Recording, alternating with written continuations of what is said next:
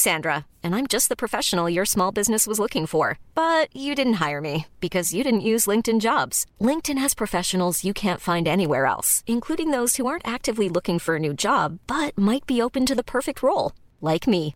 In a given month, over 70% of LinkedIn users don't visit other leading job sites. So if you're not looking on LinkedIn, you'll miss out on great candidates like Sandra. Start hiring professionals like a professional. Post your free job on linkedin.com/people today. Burrow's furniture is built for the way you live. From ensuring easy assembly and disassembly to honoring highly requested new colors for their award-winning seating, they always have their customers in mind. Their modular seating is made out of durable materials to last and grow with you. And with Burrow, you always get fast, free shipping. Get up to 60% off during Burrow's Memorial Day sale at burrow.com slash ACAST. That's burrow.com slash ACAST. burrow.com slash ACAST. Planning for your next trip? Elevate your travel style with Quince. Quince has all the jet setting essentials you'll want for your next getaway, like European linen, premium luggage options, buttery soft Italian leather bags, and so much more. And is all priced at 50 to 80% less than similar brands. Plus, Quince only works with factories that use safe and ethical manufacturing practices. Pack your bags with high-quality essentials you'll be wearing for vacations to come with Quince. Go to quince.com slash pack for free shipping and 365-day returns.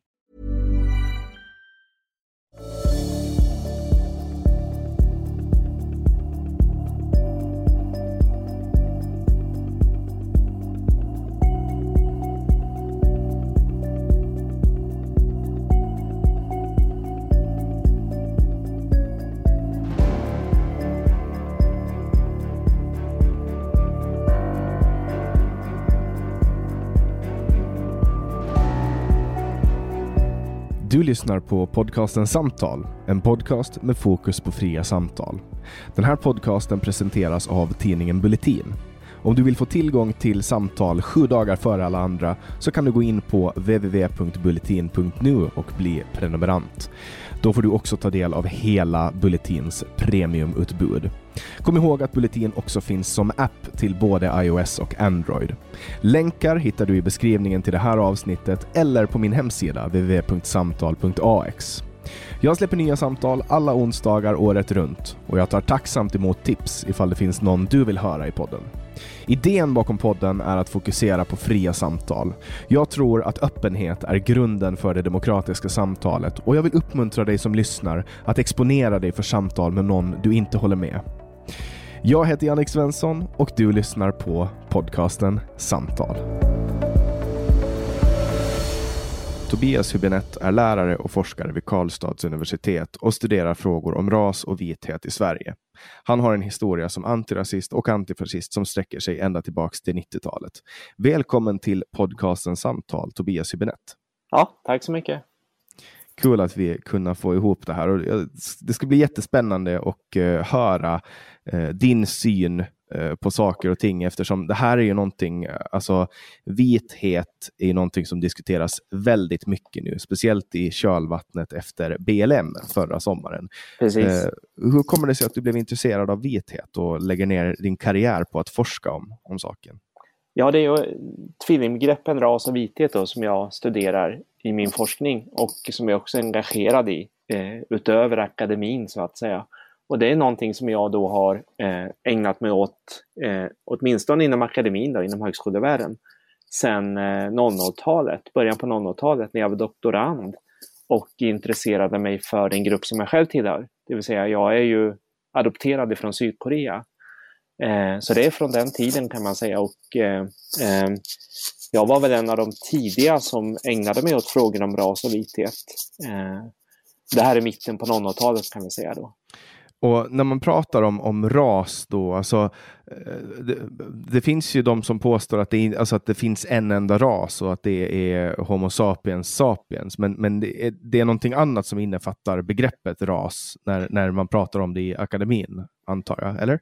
Ja, och när jag säger begrepp, eller när jag använder mig av begreppet eller ordet ras så gör jag det själv i alla fall enbart eh, i relation till utseendeaspekter, alltså rent kroppsliga, visuella, om man så vill materiella aspekter av människokroppen som man tidigare eh, under den tiden när, när, man trodde på raser då, som ett vetenskapligt begrepp. Så jag utgår från att när, när det kommer till ras så, så pratar du inte om, om det här med, alltså för att man brukar säga att människan är en ras, då Homo sapiens sapien, eh, men jag antar att det är någonting annat som då in begrepp, alltså inom begreppet som man använder i, i, i eh, akademin. Ja, det stämmer. Eh, idag så är det ju väldigt få som använder sig av rasbegreppet på det gamla sättet. Idag så eh, Eh, gör de allra flesta det så som jag själv gör. Eh, att man bara syftar på eh, utseendeaspekter helt enkelt. Eh, materiella, visuella, eh, kroppsliga aspekter som tidigare då gick under benämningen ras. Men idag så är det enbart eh, den, den sidan så att säga. Det finns inga idéer om några nedärvda karaktärsdrag exempelvis, eh, som det gjorde tidigare. Det var ju rasbiologi då som man sysslade med på 30-40-talet. Precis, och det var eh, ett tänkande kring rasbegreppet som gällde ända fram till 50-talet kan man nästan säga. Och det är då inte den typen av, av rasbegrepp som jag använder mig av. Det här är mer någon form av kulturella studier, eller hur skulle du beskriva det? Ja, det handlar om föreställningar om att det finns olika rasgrupper eh, som mer eller mindre korresponderar med de rasgrupper eller raskategorier då som gällde under 1800-1900-talet. Eh, och det är, liksom, det är arvet kan man säga efter, efter det rastänkande som gällde då, som, som vi lever med än idag, är då, det är själva liksom grund, eh, grundinställningen för att eh, använda sig av rasbegreppet vi, vi har idéer om att det finns människor som kan kallas vita eller svarta exempelvis, för att ta två simpla exempel. Eh, och eh, väldigt många människor, absolut inte alla, agerar också som att det finns vita och svarta människor. Och det här är ju yttre attribut eh, som, som avgör. Ja. Eh, eller, eller, kan det vara också liksom rent kulturellt att till exempel, eh, alltså, jag, jag menar, om, om någon adopteras, du sa ju det att du är själv adopterad. Ja. Eh, om någon adopteras eh, och, och, är svart då, från Afrika, men växer upp i ett helt vitt område och, och är liksom på, i alla aspekter eh, som alla i sin omgivning. Eh, är man då vit eller är man fortfarande svart? Eh, ja, det är en jättebra fråga för att eh, om man nu ska vara sann emot den, den, den förståelse av rasbegreppet som jag då eh, tror på, det vill säga att det bara handlar om utseendeaspekter, inte som man då tidigare trodde enligt, ja, när man, liksom, man pratar idag om den vetenskapliga rasismens tid eller rasbiologins tid. Då. Eh, då är det ju en, en, relevant fråga att ställa när det gäller den gruppen jag själv tillhör. Och det finns också andra grupper då som kan vara intressanta att diskutera som blandade eller mixade personer exempelvis. Eh, och eh, ska man vara sann emot eh, användningen av rasbegreppet så som jag använder begreppet då så, så eh, måste man göra en tydlig åtskillnad mellan eh, rena liksom, utseendeaspekter och eh, kulturella aspekter som är då något helt annat och som i akademiska sammanhang ofta går under namnet etnicitet. Mm. Så det, det, det, handlar helt enkelt om att göra en åtskillnad mellan ras och etnicitet. Där, ja. Man kan vara utseendemässigt eh, svart men kulturellt vit? Absolut. Det blir i så fall eh, eller svensk, finländsk, västerländsk, europeisk, ja. Eh, mm. så, så, så, måste det eh, liksom vara möjligt att, att tänka när man gör en sån åtskillnad. Eh, mm. sen är den åtskillnaden alltid eh, komplicerad såklart i verkligheten, för verkligheten är komplicerad. Men någonstans så, så är det ungefär så eh, jag skulle säga att det ligger till. Mm. Och högerextremister brukar ofta eh, hänvisa till forskning som menar att man i Afrika har lägre IQ eh, och påstår att det har med eh, arv att göra, då, alltså ja, arvsmassa. Ja. Eh, men, men vad jag förstår det som så har väl det kanske mer att göra med utbredningen av utbildningssystem och kost och sådana saker att göra. Jag skulle tro det med. Eh, jag är inte särskilt insatt. Alltså jag är ingen medicinare eller så, utan jag, jag kan inte så mycket om, om det här med mm. ärftliga egenskaper, för sådana finns naturligtvis på gruppnivå också. Så det bör det göra. Men eh, det är väl mycket troligt att det är som du säger. Eh, så där eh, håller vi säkerligen med, med varandra då. För, för som jag förstår det så är det ju bevisat att människan är en eh, vad ska man säga, ras eller en art. Det är en art. Absolut. Eh, och att det inte skiljer sig jättemycket. Utan det, finns, det finns små skillnader på eh, folk som har växt upp i ett annat klimat och anpassar sig bättre till extrem hetta eller extrem kyla. Men, men mer än så så skiljer det sig inte jättemycket. Alltså att vi har liksom evolutionen är väldigt långsam. Uh, och, och, att vi rent intellektuellt inte ska skilja oss mer än i marginalen. Liksom. Nej, så har jag också förstått det. Och de här rent visuella eh, utseendeskillnaderna som vi ser med blotta ögat, de, de, på, den, gen, på genetikens nivå, på DNA-nivå så är det inte särskilt stora skillnader. Eh, men vi uppfattar att det är stora skillnader för att vi, vi mm. ja, det har ju med synen såklart att göra. Att vi, vi, vi tror oss se skillnader. Eh, och, och, vi gör också ibland, jag säger ibland för att jag är medveten om att ras betyder olika på olika platser. Eh, men ibland så gör vi åtskillnader också eh, utifrån utseendeaspekter. Finns det någon, någon funktion som rasism har? Ja, det är en sån där jättebra fråga och det är en stor fråga också som, som har dryftats både in, innanför forskarvärlden och eh, liksom i, som vi kallar det, i, i den politiska världen i stort och det finns olika skolor här.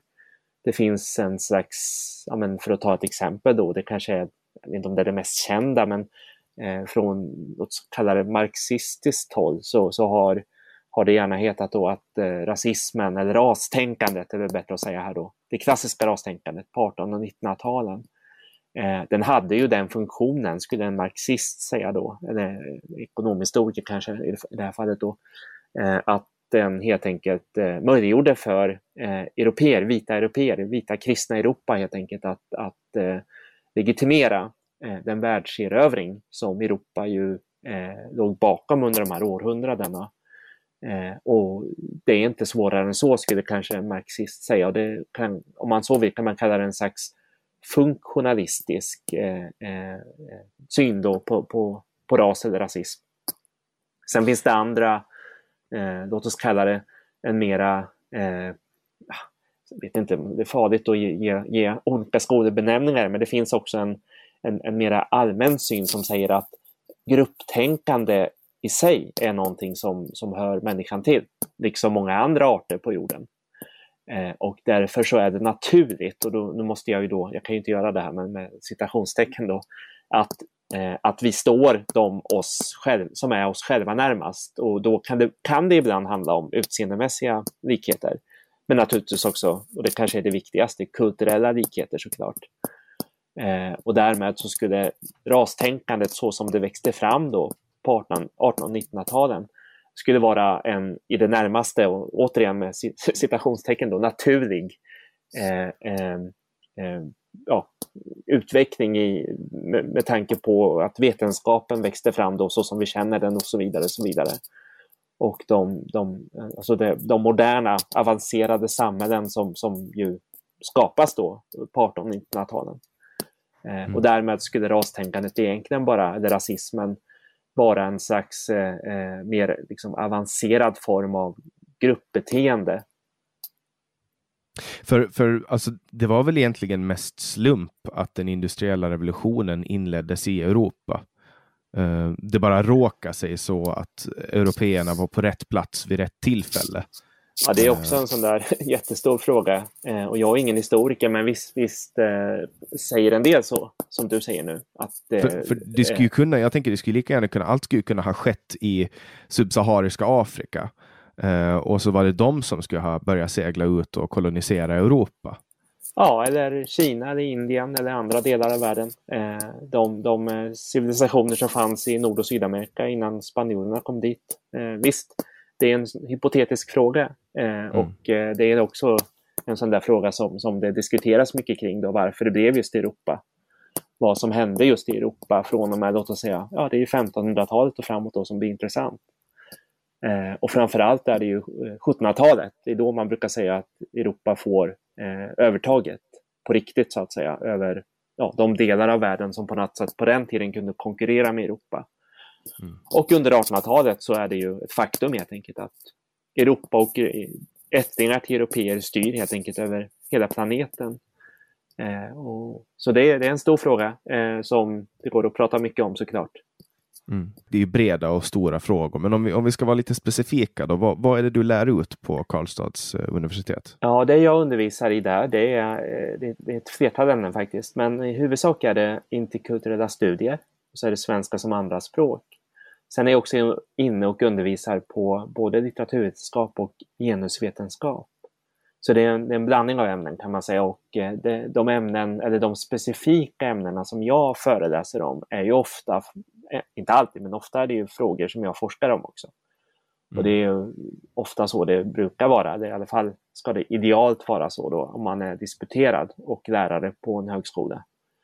Vare sig det är i Sverige eller någon annanstans, då ska man ju gärna då eh, ja, både undervisa om det man forskar om så att säga och eh, ja, vice versa blir det på något sätt. Då. Så din, din forskning då inom um, vithet och ras, det går under interkulturella studier eller? Nej, det gör det inte, utan det är ju ett, det är ett, liksom ett, ett stort ämne som handlar om kulturmöten av alla dess slag. Eh, ett, det är ett ämne, eller det är ett fält snarare, som, som kanske inte har fått något större genomslag i Sverige. Så att faktum är att Karlstads universitet det är det enda universitetet där det just det ämnet finns som ett eh, separat enskilt ämne.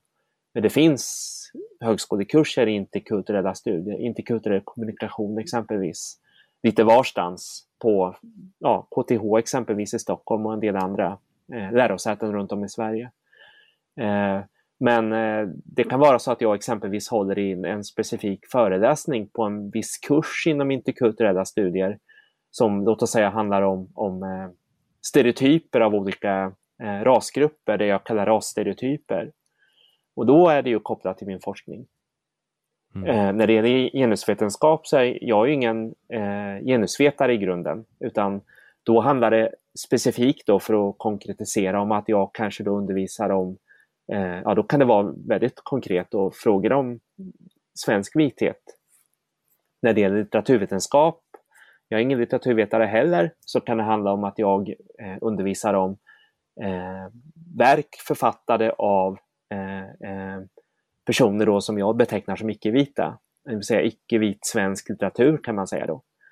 Eh, när det gäller svenska som andraspråk så eh, kan det handla om att jag eh, kanske har hand om vissa föreläsningar eller moment i vissa kurser då som, som handlar om minoritetsbarn och minoritetsungdomars situation i Sverige.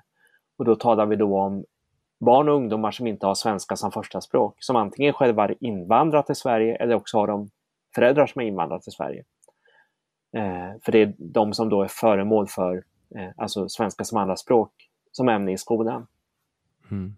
Och vad, Har du något exempel på på någonting du har gjort inom fältet när du, när du då har, har forskat om vithet. Jag är lite intresserad av att höra det svenska perspektivet. Man har ju hört mycket eh, efter Black Lives Matter så har man ju hört mycket olika teorier och, och, och frustration från, från folk. Men, men vad har man kommit fram till i Sverige? Jag antar att du är den ja. som forskar mest om det här.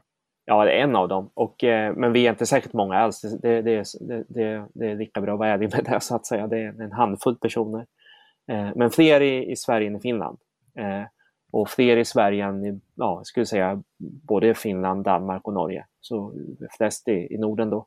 Eh, och i mitt fall så har jag ju ägnat mig väldigt mycket då åt att studera just svensk vithet. Så jag, visst, jag har läst på en del om, låt oss säga, vithet i USA och sådär. Eh, det, det blir ju naturligt med den engelsktalande världen och även i Storbritannien. Men framförallt så är det ju den svenska vitheten som jag har eh, försökt att förstå då. Eh, och bland annat tillsammans med en annan forskare som heter Katrin Lundström. Och det vi bland annat har gjort då, för att jag säger bland annat ganska ofta här för att jag har gjort allt möjligt, men det vi bland annat har gjort är att vi har försökt att historisera, det vill säga jag försökte skriva en slags historik över den svenska vitheten under 1900-talet kan man säga och fram till idag.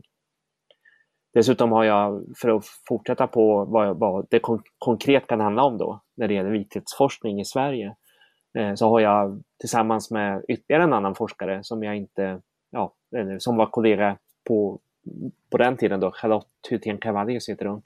Vi genomförde tillsammans den hittills största studien om och med vita svenskar. Det vill säga vi intervjuade ett stort antal eh, personer då som man kan beteckna som majoritetssvenskar eller infödda svenskar om hur det är att bo och leva i det nya mångfald-Sverige.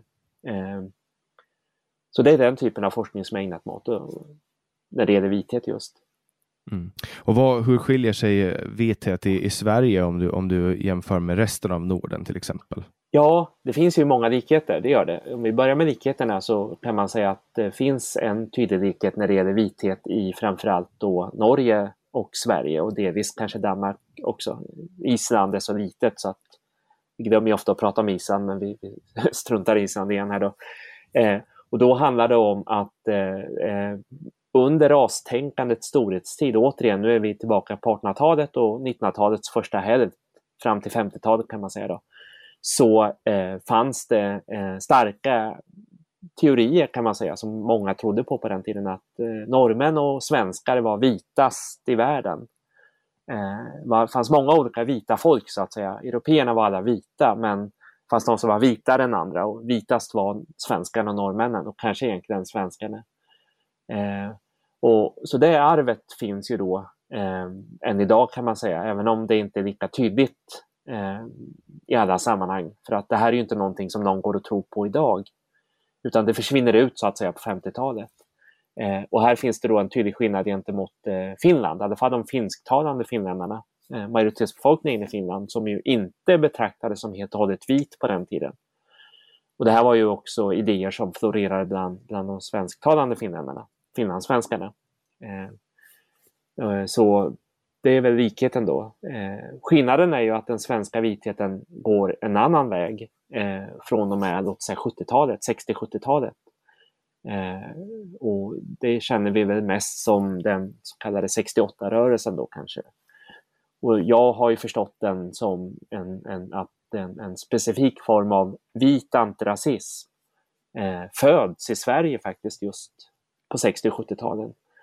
Eh, som är unik i den meningen att det var här, eh, och jag sitter ju i Sverige nu då, eh, som den först formulerades eh, så som vi tänker oss vit antirasism idag. Eh, så, och det är inte riktigt så i, i, i de andra nordiska länderna. Just det, och, och, om man jämför då begreppet vithet i eh, Sverige och USA. Jag förstår att det är ganska brett i USA, men, men hur, skiljer, hur skiljer det sig? Ja, eh, nej men det är för att liksom, det måste jag alltid vara kortfattad här, här i sådana här sammanhang.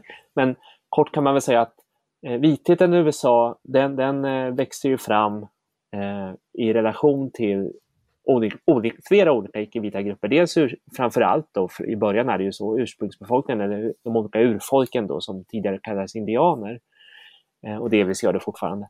Och inte minst då till de eh, eh, importerade förslavade afrikanerna som tas till, till USA. Fast då är det ju brittisk, en brittisk koloni. Eh, och även andra grupper som senare eh, kommer till USA då, som asiater och latinamerikaner och så. Men eh, det som händer i USA från och med, låt oss säga andra hälften av 1800-talet, framförallt under 1900-talet, det är ju att det växer fram en, en gemensam vithet bland en mängd olika invandrargrupper från Europa som ibland inte själva har betraktat sig som helt och hållet vita eller som andra inte har betraktat som helt och hållet vita. Och därmed, för att sammanfatta det hela, så kan man säga att den, den amerikanska vitheten har varit mer inkluderande, intressant nog. Och den är fortfarande på ett sätt inkluderande för att nya grupper som tidigare inte såg som helt och hållet vita har ju eh, under 1900-talet då successivt kommit att inlemmas i vitheten. Och då tänker jag på grupper som italienare eller Italian Americans exempelvis, judar, Jewish Americans, eh, som inte såg som helt och hållet vita på 1800-talet, långt därifrån. Eh, de har också kan man säga kommit att inkluderas i den amerikanska vitheten. Den svenska vitheten den är nästan dess motsats på det här sättet. Den är mycket mera exklusiv. Eh, och det har att göra med det här arvet då från 1900-talet, 1800-1900-talet, att man tänkte sig att svenskarna var vitast av alla vita så att säga. Eh, så det har varit svårare att passera som vit i Sverige än i USA, kort och gott, om vi pratar om vardag nu. Eh, kommer du som invandrare från, måste jag ge några konkreta exempel då, säg att du kommer från, som, som invandrare från före detta Jugoslavien, Grekland, Turkiet, Nordafrika till Sverige. Eller Latinamerika. Och du är ganska ljus. Eh, och kanske till och med tänker på dig själv som vit. Så har det varit svårare att eh, bli behandlad och betraktad som vit i Sverige än om du hade invandrat till USA. Om du hade invandrat till USA från, från Turkiet, före detta Jugoslavien. Eh, Argentina kan vi ta som exempel. Det är ju, de flesta människor där ändå ser sig själva som vita. Så, har de, så skulle jag säga att det nog hade varit lättare för de människorna att acceptera som vita i USA än i Sverige.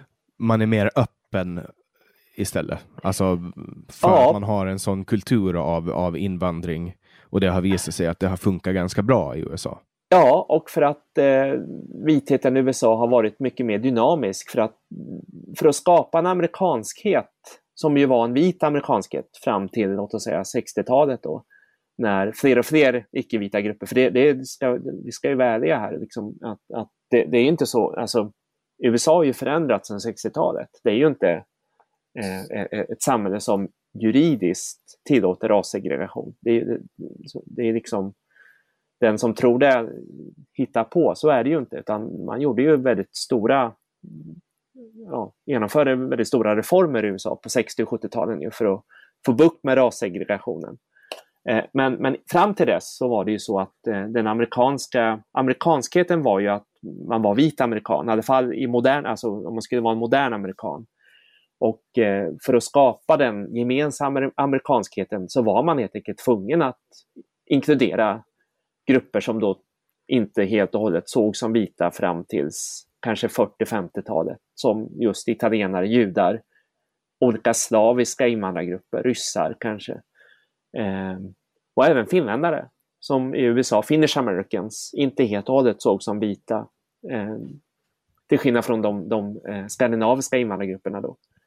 Men alltså, fin, fin, finländare, alltså rent visuellt, alltså skulle du, ta en, skulle du gå och plocka vilken eh, finne som helst från gatan och stoppa ner honom på en gata i Michigan så skulle folk kunna missta honom för att vara amerikan och gå fram och prata Ja, engelska med honom. ja, idag är det absolut Hur- så. hur kan- Idag är det absolut så. Eh, och även ryssar. Eh, och det är ju det som är intressant med vithet, när man börjar studera vithet, att det sällan har med eh, konkret utseende att göra, utan det har det absolut också. Men, men eh, alltså en svart afrikan kan inte passera som vit, eh, vare sig i USA eller i Sverige idag. Kanske, inte vet jag, om 200 år, 300 år. Men än så länge är det ju inte så. Och det kan ju inte asiater heller. Men eh, du har helt rätt eh, med, med det exemplet du nu gav. Och eh, det är ju ett, det blir ju då eh, ett exempel på just så, de grupper vi pratar om nu, finsktalande finländare och slaviska eh, grupper i Östeuropa och Centraleuropa, som kan vara väldigt ljusa om vi ver- verkligen pratar om konkret utseende nu, alltså ljusa i hyn helt enkelt. Och blonda och så vidare, och blåögda. Eh, Alla är absolut inte det, men många är det. Eh, Men ändå så kunde de på något sätt ses som mindre vita, eh, vilket ju blir eh, väldigt konstigt i efterhand, när vi tänker på det nu. Liksom. Lägger man in nå- någon värdering i begreppet vit? Nej, jag gör inte det, men man, många gör väl det. Eh, alltså i samhällen som USA, där det ju fortfarande är så att eh, rasrelationerna eh, inte liksom är helt lösta, och det kanske de aldrig blir, så är det ju så att det blir väldigt politiskt att prata om vita amerikaner. Och när vita amerikaner själva pratar om sig själva som vita amerikaner, vilket de flesta också gör, eh, så är det också väldigt politiskt. Men eh, i ett land som Sverige eller Finland eller de andra nordiska länderna så där vi inte pratar om vithet, eh, i alla fall inte längre, vi gjorde det en gång i tiden, men vi använder kanske ett annat språk, eh, så är det lite annorlunda. Eh, Ja, nu, är det ju främst, alltså, nu är det ju främst nazister som pratar om vithet. ja, det är det. Eh, och ute på vänsterkanten, där pratar man ju också mycket. Eh, Vissa, Alltså, vissa. Ja. ja, ja, men alltså, jag tänker på, på eh, alltså den här där aktivismen, den här Jo, BLM-aktivismen jo, finns, för jo, den visst. är ju knuten till, till marxism. Eh, BLM grundar ju sig i en marxistisk tanke. ja, jag vet inte, men visst. Det är absolut en vänsterrörelse. visst. Mm. Det var, jag för mig att i deras första manifest så var det en uttalat marxistisk organisation. Um, men ja, jag kan, det, det, sen, sen, ser man ju att den har en starkare attraktionskraft gentemot vänstern. Det är flera från vänstern som, det är, som ansluter det sig till. Korrekt. Ja.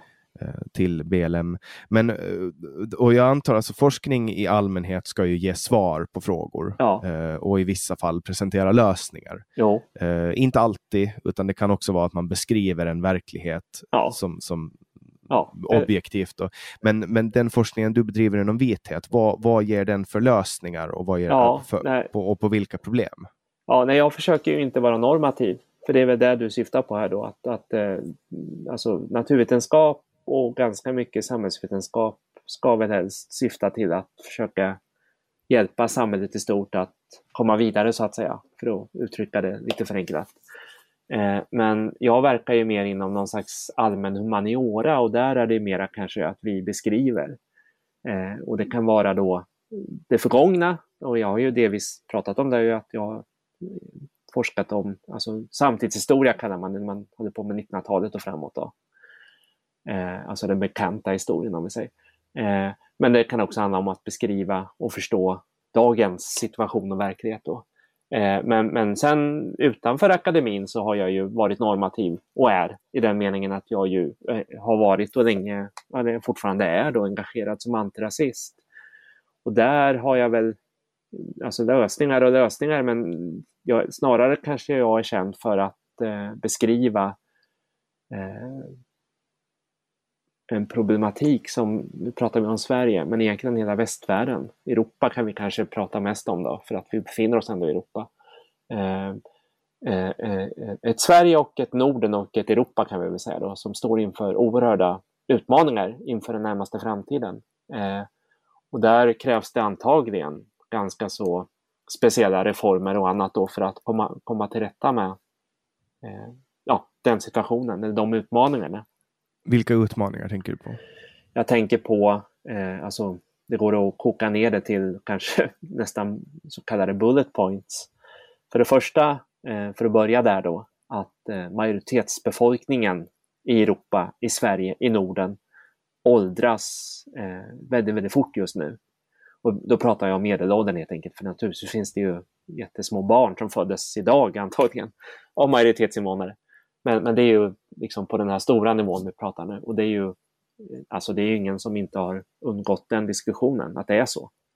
För det andra så pratar vi om att eh, en, en, mycket yngre befolkning, eh, betydligt yngre befolkning, och det är då den, den i, i, huvudsak invandrade befolkningen. Och, eh, men då är det viktigt också att påpeka att de som är unga är ju då födda och uppvuxna i Sverige, Norden eller Europa. Eh, men om vi tar dem då och deras föräldrar så, så är det en betydligt yngre grupp Eh, och i de allra flesta länder i Europa, eh, för att inte säga alla, så lever de här, eh, den invandrade befolkningen och deras barn då eh, ganska så annorlunda liv än majoritetsbefolkningen. Det vill säga de är eh, generellt kraftigt, eller mer eller mindre, det beror på vilket land vi talar om, men mer eller mindre marginaliserade. Och det beror ju på en massa orsaker det också. Så det ena, liksom, nu börjar vi kanske diskutera väldigt politiska frågor här, men det är väl kanske meningen med den här intervjun. Ja, men det är okej. Okay. Ja, det är helt okay. eh, men det är någon slags läges, lägesbeskrivning och det vi har framför oss då, det är ju eh, helt enkelt en situation med en, en eh, hela tiden åldrande eh, majoritetsbefolkning och det verkar inte gå att stoppa det. Eh, det är som det är så att säga. Eh, för födelsetalen är så låga och har varit det så länge bland majoritetsbefolkningen i stort sett hela västvärlden eh, och framförallt i Europa. Då. Eh, och sen har vi då en, en, mycket stor grupp som har kommit hit, i huvudsak ska jag säga, för det, för det behöver inte enbart vara det, men i huvudsak via invandring. Eh, och, eller vars föräldrar, eller till och med far eller morsföräldrar har kommit hit via invandring, som eh, generellt är fattiga och i vissa fall mycket fattiga. Eh, och eh, det är en explosiv social situation helt enkelt, som vi talar om och som man kan ge en massa olika eh, beteckningar en del pratar om eh, strukturell rasism, om vi liksom börjar, nu blir det liksom ja, de olika politiska, eh, vad ska vi kalla det, hypoteserna som gäller så att säga. Eh, på den ena kanten pratar man om att den här situationen beror på strukturell rasism, den beror på den koloniala historien, att det här liksom är ett resultat av det, att människor som kommer från Europas gamla kolonier, för det är också det, det borde jag sagt också innan jag la ut texten om problematiken, det är ju utomeuropeer vi talar om. det. Vi pratar alltså om invandrare från framförallt det som vi tidigare talade om som tredje världen. Mm. Mellanöstern och ja. Afrika främst. Ja, ja, det är det. Och till, för, för USAs del är det ju Latinamerika. Eh, så det är ju alltså det är Latinamerika, Afrika Asien vi pratar om och inget annat. Och Asien blir då väldigt mycket Mellanöstern för Europas del. Eh, och eh, eh medan på den andra kanten skulle andra säga då att det här beror helt enkelt på det som de kallar massinvandringen och de problem som den har fört med sig då. Eh, och sen finns det alla de som står i mitten här då, som kan se, kanske skulle, inte vet jag, om man är en mittenperson kanske man ser att det finns någonting i båda hypoteserna. Eh, att, eh, men att det också är mer komplicerat än så. Just det, man, man, har, och det här, nu går det ju direkt in på den, den politiska polariseringen som finns. Ja. Det finns de som vill ha invandring och sen finns det de som inte vill ha invandring. Eh, och båda brandar varandra som goda och onda och använder liksom det här narrativet om det klassiska narrativet om det vita mot det svarta eller det goda mot det onda eller de rättfärdiga mot de otrogna och så vidare och så vidare. Uh, och Det här följer ju ett, ett stadigt narrativ och, och kollar man på, uh, alltså bara häromveckan när vi hade den här regeringskrisen, hur splittrade blocken är. Alltså det är ett mandat ja, som, som regeringen i Sverige regerar med nu. Ja, det det. Och, och, och det, är, det är fortfarande den brinnande frågan och det här är alltså, vi är inne på elfte året, vi går in på tolfte året nu, eh, där man har jobbat med att, att eh, bara fokusera på Sverigedemokraterna och hur man ska positionera sig gentemot Sverigedemokraterna. Eh, ser du Sverigedemokraternas framväxt som ett tecken på att, att en stor del av, av befolkningen är, har blivit rasister eller är rasister? Nej, jag tänker inte riktigt så. Jag, jag kan förstå dem som driver den hypotesen. Nu, pratar, alltså nu pratar jag lite forskarspråk, men jag väljer att göra det här för att det känns mer neutralt. det är inte neutralt mm. det heller, men så jag, jag, använder ordet hypotes då. De som föreslår att det är orsaken helt enkelt. Eh, eh, jag kan förstå deras argument. Men jag, jag pratar inte själv så. Alltså jag skulle själv inte exempelvis säga att 20 procent av svenskarna över 18 år, för det är de vi egentligen pratar om som kan rösta, är rasister. Utan jag skulle snarare eh, förklara, för det, det är det vi pratar om nu, SDs framväxt, på ett lite mer komplicerat sätt. Eh, som, ja, och det, det, är väl typiskt som forskare att göra det, men jag, jag tycker en, för, för, mig handlar det om att försöka nyansera vad som har hänt. Eh, och det är egentligen samma utveckling i hela Europa. Eh, den här typen av partier finns ju överallt i Europa nu eh, och har i vissa länder då eh, suttit i regeringsställning. Eh, mm. Antingen så Finland är ju ett bra exempel. Ja, vi, hade ju, vi hade ju Sannfinländarna ja, här i Finland. Ja, både Finland, Norge och Danmark har det ju varit så att de här partierna antingen suttit i regeringen eller varit eh, regeringsstödjande parti. Mm. Eh. Och Sverige är ju väldigt, Sverige ska ju alltid gå sin egen väg. Eh, så har man gjort i Corona och så har man också gjort det har kommit till att ställa sig till de här, ja. till de här partierna. Eh, jag, har, jag har ända sedan den här starten, jag, jag, blev väl politiskt medveten någon gång runt 2010 eh, och mitt första svenska val som jag följde var just eh, valet 2010. Ja. Eh, då var väl jag, vad kan jag ha varit då? Eh, 15, 16 ja. år gammal. Ja. Eh, och, och, redan då så kändes det i magen som att det här som Jan Helin gjorde när han drog den här kampanjen eh, Vi eh. gillar olika och att han inte tillät Sverigedemokraterna annonsera i Aftonbladet ja, det kändes bara som att nu ger de dem för mycket uppmärksamhet. Nu får de för mycket uppmärksamhet och man gör dem till martyrer. Ja. Och folk gillar underdogs och folk, jo, folk känner sympati för martyrer. Så jag tror ju att den här vägen har varit fel. Jag tror att man skulle kunna ha vänt den här trenden att folk skulle ha vänt sig och röstat på Sverigedemokraterna om man skulle ha gått fram och eh, presentera den politik som nästan alla partier presenterar idag, vilket är eh, mindre invandring. Ja, idag är det ju så i Sverige utom några partier, visst. Eh, Ja, men, men alltså det har ju gått den vägen. Ja. Tänk om man skulle ha gjort det direkt. Då skulle Sverigedemokraterna kanske lägga kvar där på runt 10 procent eller något sånt. Ja, kanske. Nu är ju SD ett av de största partierna i Europa. Eh, och det blir ju väldigt eh, märkligt att just det är Sverige, som då är det land som, som jag sa förut, då har, var, var en pionjär när det gäller antirasism. Så det är ju en stor paradox att det är så. Och dessutom Ja. är SD inte som ja, syskonpartierna i grannländerna, utan SD har ju ett eh, nazistiskt förflutet. Det har inte de andra partierna i Norden. De har ett helt annat förflutet som mer liknar ja, motsvarande partier på kontinenten. Eh. Alltså, kollar man tillbaks, och det här är ju Sverigedemokraternas ständiga försvar, att tittar man tillbaks på historien så var ju i princip alla nazister. I SD var det ju så, eller, alltså utifrån hur SD grundades. Men SD då är ju inte SD av idag. Det är också viktigt att säga. Det, ju, det är ett parti som har förändrats sedan dess. Men kollar man på till exempel Socialdemokraterna och Ah, ja, Centerpartiet. okej, du tänker så. Just det. Ja, Ja. men det SD egentligen säger är väl att rastänkandet delades av de allra flesta under 1900-talets första hälft. Och det är helt korrekt. Sen gjordes det liksom på olika sätt, men, men visst är det så. Eh, den här idén om, om att svenskarna liksom var mer förträffliga rasmässigt än andra, den fanns ju hos alla partier eh, under 1900-talets, ja återigen då, första halvan av 1900-talet. På det sättet har SD rätt i det. Men det SD försöker göra är också skriva om historien och säga att eh, Eh, det var Socialdemokraterna som samarbetade med nazisterna exempelvis och det var Centerpartiet som nästan var ett nazistparti. Och de försöker ju dribbla bort korten helt enkelt, blanda bort korten. Eh, Mm. För de pratar ju om olika saker. Det, det är som när folk påstår att, att eh, Sverigedemokraterna springer ur nazism. Det har ju att göra med att det fanns nazister som företrädde Sverigedemokraterna och som var med och startade Sverigedemokraterna. Eh, och sen har det skett en reform eh, och en idéreform och allting Ja. inom ja, Sverigedemokraterna. det. Och nu försöker man liksom hela tiden belasta dem med det. Jo, de har, de är, naturligtvis är de frustrerade och trötta på det. Det kan jag ju förstå. Eh, om jag hade varit ledande SD hade jag också varit det. Och särskilt om jag hade gått med i partiet efter reformeringen.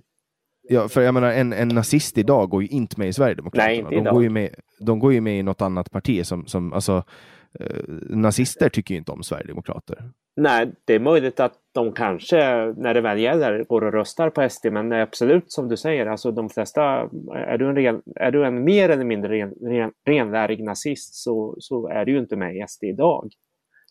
För jag menar, det finns ju andra partier för folk som vill ha mer extrema alternativ. Ja, det det. det finns ju alternativ Ja, för Sverige. Precis. Eh, och sen har ju Nordiska motståndsrörelsen ett eget par- alltså de, de har har ju, får ställt ju, upp i val. Ja, ja, vad får de? 1200 röster eller 2000 röster eller något sånt. Ja, ja, några, några till, en, ett antal tusen, men inte mer än så. Ja, och, och då kan man ju ganska lätt räkna hur många, för att eh, går man och lägger sin röst på Nordiska motståndsrörelsen, då är man antagligen nazist. Jo, det är Man, man. man, gör, ju, man gör ju det inte misstag och då, kan, då får man ju en, en fingervisning på ungefär hur många nazister det finns i Sverige. Eh, sen finns det ju säkert många som, som är i det, i det fördolda och så vidare, men, men med tanke på hur ofta man hör folk bli anklagade för att vara nazister, så det, det, det känns lite som det var med den här satanistbubblan eh, på 90-talet i, i USA. Eh, att man anklagar alla för att vara satanister och, och, de kunna liksom gå förtäckta hur som helst. Eh, men, men jag tänker att den, alltså, det är ju lite som att ropa på vargen kommer när man Ja. säger att någon är nazist. För helt plötsligt visar det sig att ja, den här personen var inte nazist. Eh, och då har man liksom bränt bort det här eh, verks, ver, verk, verksamhet, ver, vad säger man, verkningsgraden i att anklaga någon för att vara nazist. Ja, det är ett sätt att se, det, se, se på det, men, men det är väl inte vanligt längre att göra det, utan det är väl snarare rasist i så fall, som SD eh, och företrädare för SD anklagas för.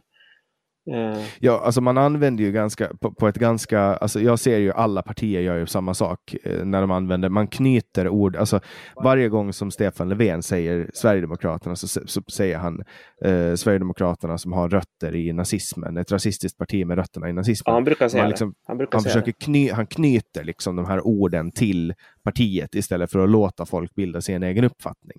Ja, eh, och, han, och just han gör, eftersom han företräder Socialdemokraterna så tror jag att just han gör det, när, när just han gör det så adresserar han alla arbetare som idag röstar SD.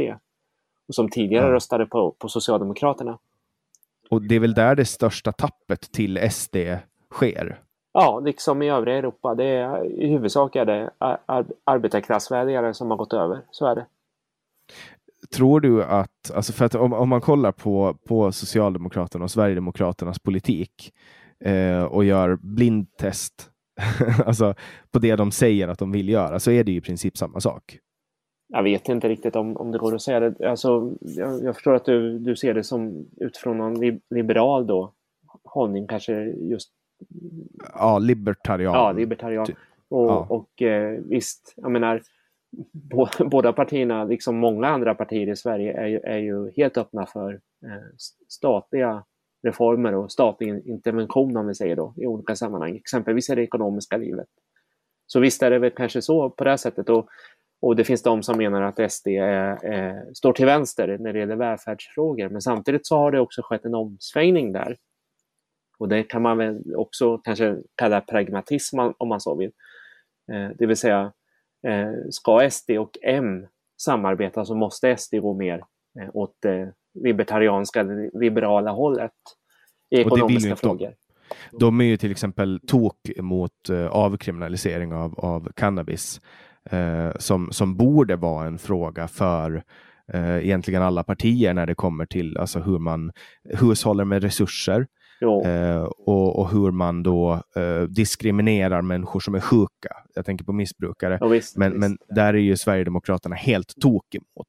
Jo, det är de. Eh. Och det, där, där eh, är de ju konservativa på det här sättet. Eller, eller gammaldags. Och visst, där är, de ju, sitter de i samma båt som social, Socialdemokraterna när det gäller drogpolitiken. Det, det, så är det ju. Och, och där skiljer ju sig, alltså Centerpartiet har väl till och med flera gånger nästan öppnat upp lite för de här sakerna. Ehm, alltså när det kommer till att titta på uh, narkotikalagstiftning och sen, var- sen alltså, eh, och speciellt genom ungdomsförbund, men nu är alla ungdomsförbund är ju, de är ju libertarianer Ja, eh, och så har de en så här partipin. Men kollar du på, på Liberala ungdomsförbundet, Centerpartiets ungdomsförbund, MUF, alla de är ju libertarianer. Och sen, sen hamnar de på riksdagslistan och då blir de mittenpolitiker. ja jo, det är väl kanske så. Eh, och, alltså, den unga generationen är väl generellt mer eh, åt det libertarianska hållet. Eh, för att de är, egentligen bara växte upp i, i, under den, den, den period eh, i, i historien då som har dominerats av, av nyliberalism, om vi förenklar det hela. Det var mer vanligt att man var vänster när, när du var ung, eller? nej, det var det inte. Eh, det skulle jag inte säga, utan det fanns de som var det, men, men det var ju snarare kanske så att, alltså, det, det beror på vad man menar med när jag var ung, men, men eh, det var ju på 80-talet som det svängde. Eh, och sen gjorde det kanske det långsamt. Det gick ju inte över en natt. Men det var ju på 80-talet som de libertarianska eller nyliberala strömningarna kom till Sverige och till, till Europa. De, de var ju tidigare i USA då, och även i Storbritannien. De är väl inte jättestora om man jämför med vänstervågen? Nej, det kanske man inte kan säga. Men, när, men visst, på, som jag minns det var det ju, så, så var det ju ändå, jag menar, det fanns ju en hel del företrädare. Vi hade ju eh, eh, tidskriften Nyliberalen exempelvis, som introducerade de här tänkarna till högern i Sverige. Eh, och när sen eh, Reinfeldt blev minister, då var det ju mycket, det var ju hans generation då som, som var väldigt påverkade av de här idéerna. Mm. Men kollar man tillbaks så ser det ju ganska mycket ut som Alltså de, de nyliberala reformer som, som Reinfeldt genomförde blev katastrof eh, och resten var vänsterpolitik. Kanske från din, din, din politiska synvinkel så kanske det går att säga så. Eh, men, men vi delar ju inte samma politiska synvinkel här. Utan, men visst, eh, jag, jag, jag hör vad du säger och jag kan liksom se utifrån Men du, du, du, var, var ska du placera dig på den politiska kartan? Nej, jag kallar mig väl det jag alltid har kallat mig, kanske eller inte alltid, men, men sen jag blev politiskt medveten så har jag sett mig som, som anarkist, syndikalist, frihetlig socialist. Frihetlig helt enkelt då. Eh, och jag är väldigt medveten om att det finns ett idéhistoriskt arv då som, som till viss del överlappar. Om vi nu fortsätter att prata om eh, ja, li- libertarianska idéer och så. Men, men sen, sen är det ju, finns det ju betydligt större skillnader eh, som gör att det som överlappar eh, det överskuggas ju av skillnaderna. Eh, ja. Eftersom den frihetliga vänstern, om vi säger då, för att kalla det någonting, kommer ju ändå från arbetarrörelsen och, och socialismen. Mm. Fast den är, det är väl, det är väl... skillnaden är ju att den inte är liksom marxism. Ja, och sen, sen mycket tror jag, för att alltså, om jag kollade på, på längst ut på, inom libertarianismen så finns ju anarkokapitalismen. Jo, visst. Eh, och anarki, och, eller anarkister och anarkokapitalister skiljer sig mest i intresse för vad man läser för böcker, tror jag. Eh, alltså i grund och botten så är det i princip samma ideologiska grundtanke att människor själva ska få bygga samhället hur de själv vill. Men anarkokapitalisten är mer intresserad av ekonomisk teori än vad anarkisten är. Ja, det kanske är det som är skillnaden. Jag, jag är inte helt insatt i det, men, men visst. Jag tror att det är, en ganska, det är en enkel förklaring på någonting väldigt stort. Det här skiljer sig också eh, från, från plats till plats och land till land. Jo. Men du, du började när du var ganska ung eh, som politiskt aktiv, om jag förstår det rätt? Ja, och blev väldigt tidigt engagerad i frågor som rörde, alltså nu talar vi om 80-tal och 90-tal då, och man kan väl säga 00-tal också, men Eh, men när jag var alltså, ungdom då eh, och senare när jag blev student i Uppsala universitet, då var det ju eh, eh den ideologin som gällde så att säga. Och då var det frågor som rörde miljön, det var fredsfrågor, det var ju slutet på kalla kriget. Eh, jag totalvägrade exempelvis eh, och dömdes ju naturligtvis för det. Och senare så blev det då antifascism på 90-talet. Mm. Eh, och, och när, när, du säger att du dömdes, eh, vad, vad syftar du på då? Eh, ja, om man vägrar att göra värnplikt så döms man ju. Eh, så var det i Sverige på den tiden. Okej, okay, man döms. Okej, okay. ja, ja, man, man, alltså det är rättegång ja, och hela... Ja, precis. precis. Okej. Okay. Eh, man, man dömdes till fängelse på den tiden och böter. Okej, jag trodde att det var så att man valde. Antingen så går man eh, lumpen, gör man lumpen eller så sitter man i fängelse. Jag trodde inte att det var ett lagbrott att, att liksom... Jaha, jo, jo, lagbrottet är ju att vägra eh, och eh, då döms man helt enkelt. Eh, Okej. Okay. Hur, hur länge fick du eh, samhällstjänst då eller? Ja, ja det, eh, jag tror att jag fick fängelse en månad.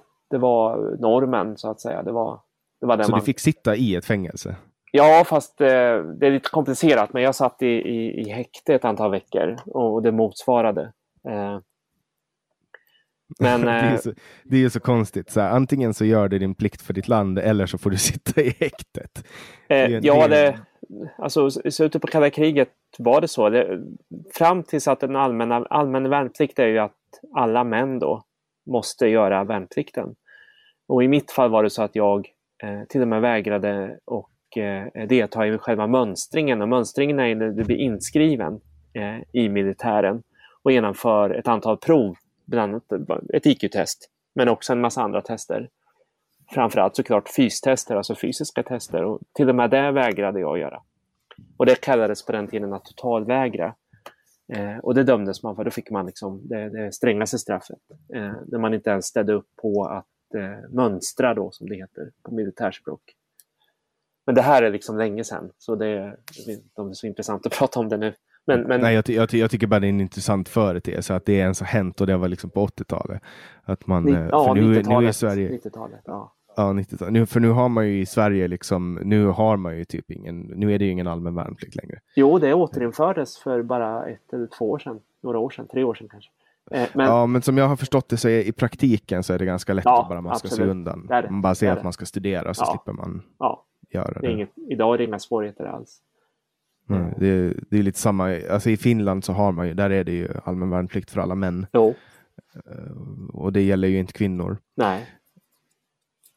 Men um, sen, sen då du, du började engagera dig med, med vänstern, med syndikalister och, ja, och an, anarkister. Ja. Vad var det för idétraditioner? Var det marxism som, som lockade då? Eller? Nej, men det är ju inte, det är ju inte en eh, eh, idétradition som bygger på marxism, utan det här, alltså det är en lång historia, men på 1800-talet så fanns det liksom två strömningar inom arbetarrörelsen och dels var det ju den som, som Marx då ledde och grundade. och Efter hans död så var det andra som fortsatte med den och som sen blir eh, kommunism och socialdemokrati kan man väl säga. Och så fanns det en annan inriktning som var stor på den tiden men som försvinner ganska mycket eh, ja, under andra världskriget eller lite innan dess. Och det var ju då den, den frihetliga vänstern om vi säger då. Det, det, det, var, det var andra eh, förgrundsfigurer då som, som eh, omhuldades, inte Marx. Eh, och den var då anti-auktoritär.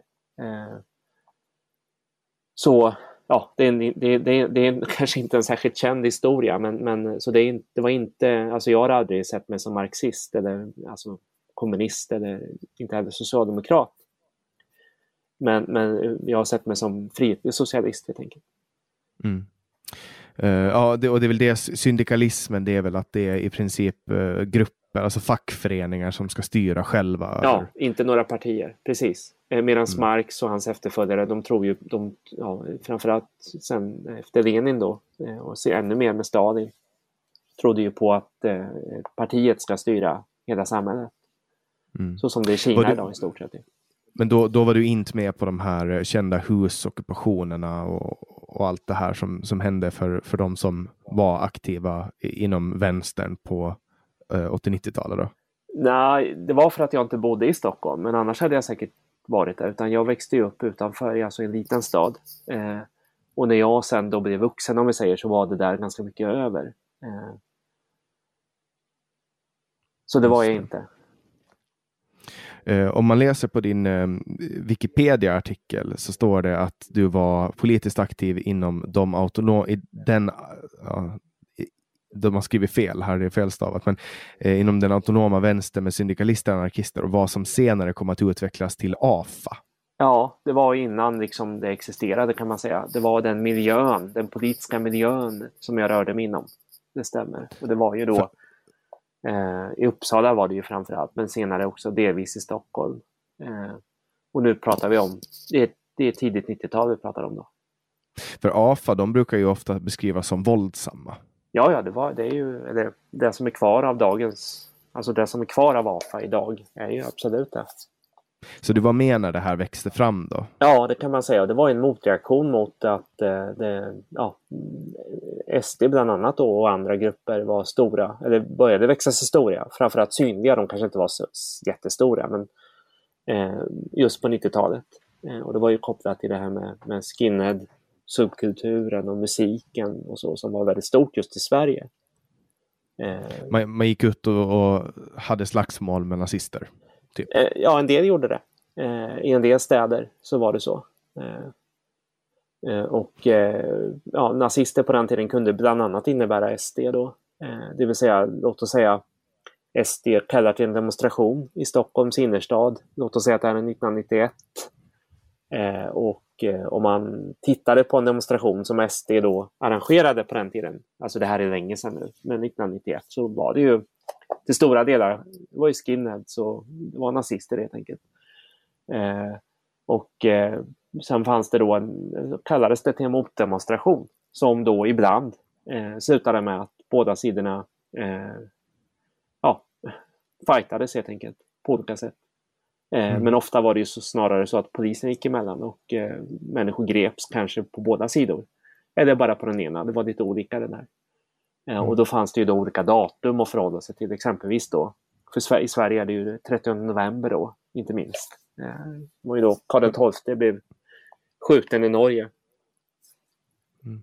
Och han har ju blivit lite som en symbol uh, för högerextremism just nu, men, men det ändras ju med det ändras ju med uh, historien, vad han är symbol för och för vem. Ja, ja, visst, visst. Och eh, jag skulle gissa att han, alltså minnet av XII ser lite annorlunda ut i Finland än i Sverige och det har sett annorlunda ut i Sverige också tidigare. Så visst är det så.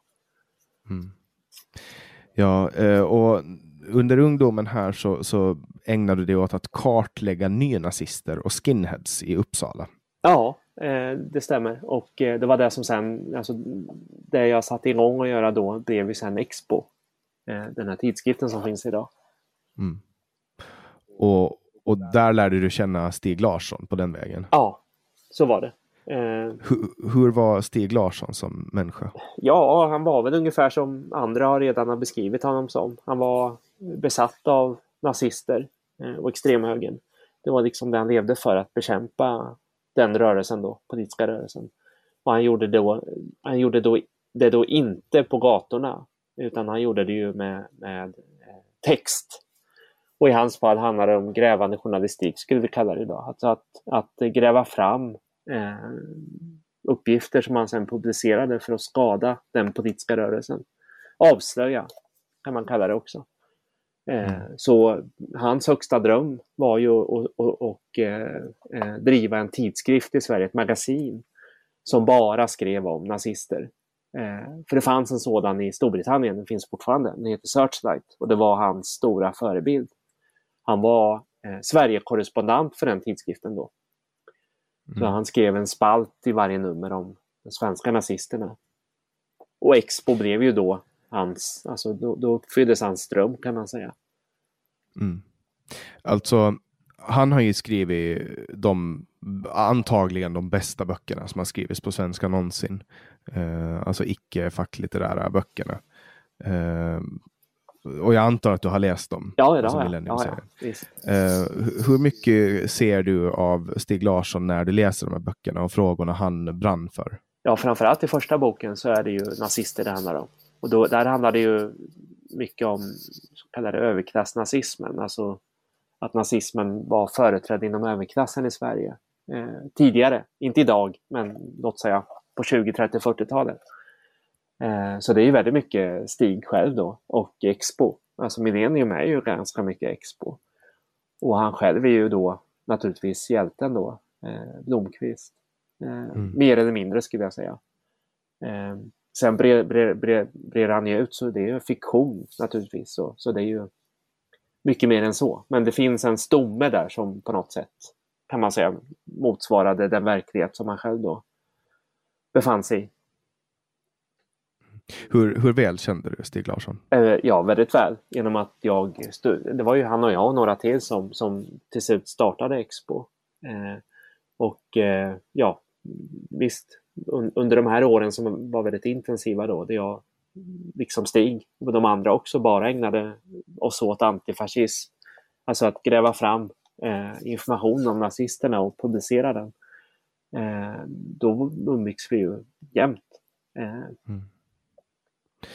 Läste du eh, David Lagerkrans eh, bok som han skrev i serien? Eh, ja, ja, jag har läst kanske någon av dem, men jag är inte så intresserad. Jag menar, det, det, är ju, det är ju hans...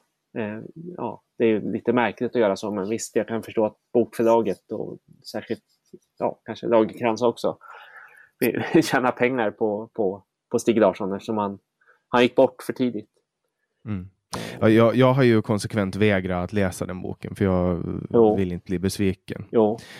Eh, men, men det, det, florerar ju konspirationsteorier om att det inte var Stig Larsson som skrev böckerna utan att det var hans då sambo som skrev dem. Ja, hon hade säkert eh, något slags inflytande. Jag menar, de var ju väldigt nära varandra och bodde ihop och sådär. Och eh, det är klart att han bådar idéer med henne, så måste det ha varit. Mm. Eh, och hon läste säkert utkast och annat. Men, men det var ju ändå han som skrev. Det, det är jag övertygad om. Mm. Ja, nej, det är, det är ett litet sidospår, men, men uh, hans böcker är alltså otroligt välskrivna. Alltså, det finns ett sånt djup i dem som, som man, man hittar liksom inte i, inom citationstecken och vanliga böcker. Nej, och, och det berodde på att det, det, här var liksom hans hobby, att läsa deckare och thrillers. Eh, och även till viss del science fiction. Han, han, var, han ingick i den här fandomvärlden som växte fram ja, var väldigt stor på 60-70-talen då. Eh, han var med i en sån här förening där man liksom, man läste, alltså det var mer än bara hobby. Så han, han, han introducerade mig för, för de här, alltså framförallt de engelskspråkiga deckare och thrillerförfattarna. Eh, som han då tyckte var väldigt eh, bra och sådär. Eh, så han hade ju läst genren om vi säger så. Och det märks när man läser böckerna för att det finns finns referenser och blinkningar kan man säga då till, till, till de stora internationella namnen. Mm. Kände du igen att, att, du hade någon, fanns du med i någon karaktär av de böckerna, alltså, i, i böckerna? Ja, det som andra spekulerat i, som jag väl själv till viss del, men det är verkligen bara till viss del då, liksom kan, kan se, det är ju eh, ja, eh, Lisbeth Salander, men då är det ju egentligen mest bara det här med alltså, hennes förmåga att, att hitta information då, som i så fall skulle vara någon slags reminiscens av mig då. Men det, fanns också, det finns också andra personer som jag kan se i den gestalten, om vi säger då. Som, mm. som också jobbar jag tänker, ju, jag tänker ju lite, alltså lite spontant på han Dag. Eh, som, som eh, jag kommer inte ihåg vad han hette i efternamn, men han blir väl mördad i andra boken. Ja, ja.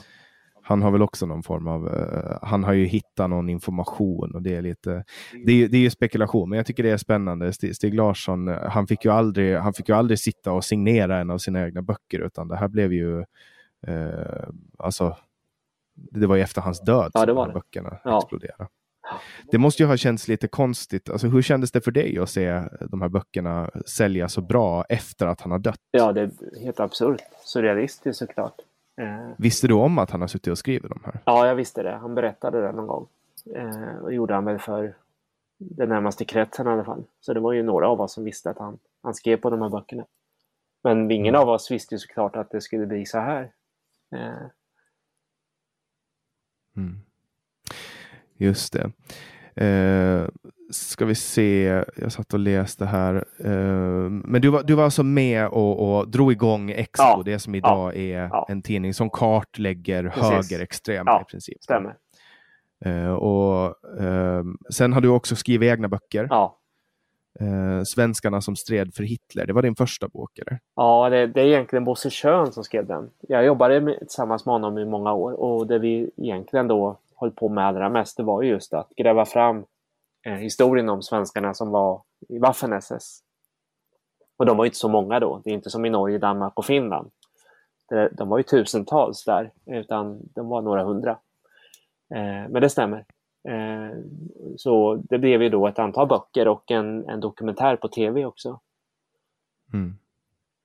Vilken var den första boken som, som du skrev då? Eh, ja, det får man räkna. Ja, det är lite komplicerat, men det var väl egentligen... Av, avhandlingar räknas inte? Nej, det var en, en, en tunn bok, eller tunn, men ja, kanske 150 sidor som jag skrev ihop med en, eh, en journalist, eh, Lars-Åke Skagermark. Eh, och den, den eh, eh handlar helt enkelt om extremhögern och nazisterna. Eh, den kom ut på 90-talet. Eh, och sen kom jag ut med en, en väldigt tjock bok 2002 Eh, eh, som namngav eh, ungefär 30 000 svenskar som hade varit medlemmar i olika högerextrema och nazistiska partier på 20, 30, 40-talen. Mm. Och det var väl den boken som liksom blev den första boken som jag har gett ut som blev väldigt uppmärksammad. för det blev en stor debatt i Sverige då om det här var rätt att publicera alla de här namnen. Och på den tiden, det är ju rätt länge sedan nu, det är ju 20 år sedan, så levde ju en del av dem också. Och idag lever ju naturligtvis väldigt många barn och barnbarn. Mm. Och det som är då eh, det känsliga då att eh, väldigt många tillhörde då och tillhör än idag eh, svenska eliten kan man säga på olika sätt. Inom näringslivet, inom akademin. Det kan vara människor som jobbar som domare och advokater och läkare och sådär. Eh, men mm. den har ju stått sig i den meningen att den säljs fortfarande och ja, folk, människor använder den som käll, källa då. Eh, för det är, alltså, det är en bok som bara består av namn efter namn efter namn. Just det. Och hur, har du, hur fick du fram de här namnen? Eh, jag hittade en massa matriklar som det heter, alltså medlemslistor eh, över betalande medlemmar i olika grupper som fanns på den tiden och eh, skrev helt enkelt av dem och publicerade det. Eh, så egentligen är det här alltså offentligt material kan man säga då, men det blev mycket mer offentligt genom att jag samlade alla de här namnlistorna och gjorde det till en bok. Då blev det väldigt offentligt om man säger så. Då. Mm. Uh, men du, du, reserverade dig för att det kan vara så att, att de inte var sympatisörer? Det finns, fanns säkert, ja det, det vet jag idag, att det fanns ju exempelvis de som var på vänsterkanten som gick med i sådana här partier för att infiltrera. Och det fanns också kallade Sveriges, alltså dåtida Säpo kan vi säga då, eh, Säkerhetspolisen, poliser helt enkelt, hemliga poliser som gick med i de här grupperna för att infiltrera. Eh, eller få veta vad som hände helt enkelt. Eh, så det är fel att säga att alla var nazister eller att alla, alla hejade på Tyskland. Det går inte att säga. Men de allra flesta Mm. gjorde det. Alltså när man, när man läser om dig i, i allmänhet, det man ser på sociala medier och det som kommer i nyheterna är att du är väldigt kontroversiell. Jo, Men nu när jag pratar med dig så känns du inte så kontroversiell. ja, jag vet inte. Eh, men kontroversiell i, i, alltså att jag har gjort de här sakerna. Den här boken anses ju väldigt kontroversiell än idag då. Eh, och det blir ju alltså frågor om integritet och vad, vad man Alltså, det, det, det är ju så i Sverige att politiska åsikter anses vara någonting privat. Eh, Det är många svenskar som inte ens vet vad pappa och mamma röstar på. Eller en syskon. Utan man håller det liksom hemligt. Och att då publicera såna här alltså medlemslistor över partimedlemmar, det blir väldigt... Just i Sverige blir det väldigt kontroversiellt såklart. Och särskilt när det gäller såna här ideologier då, som är så kontroversiella. Som nazism och så då. Ja, även om det var väldigt länge sedan. Folk vill ju säkert tro fint om, om sina släktingar. Ja, ja. Och eh, de hade ju sina orsaker att heja på Tyskland. Eh, det såg ju ut som att Tyskland skulle vinna kriget. Mm. Eh, jag menar, Finland var ju på Tysklands sida. Det var många eh, länder som var det. Eh, väldigt många eh, i de ockuperade länderna var ju också på tyskarnas sida, även i Norge. Mm. Ja, i Finland var vi ju, vi var ju i princip eh, tvungna Jo, att jo, alliera oss jo. med no någon. Ja. Sen sköt vi ju gladeligen de nazisterna som var kvar i, i skogen efteråt, Ja, kanske efter ja. kriget. Eh, så att ibland, alltså, ibland får man ju göra så. Men, men skillnaden där eh, på Sverige och Finland efter kriget var väl att, att i Finland så gjorde man upp med sitt förflutna direkt. Ja, en del, en del det gjordes en del uppgörelser i Finland, absolut. Och det var rättegångar och sådär. Eh, visst.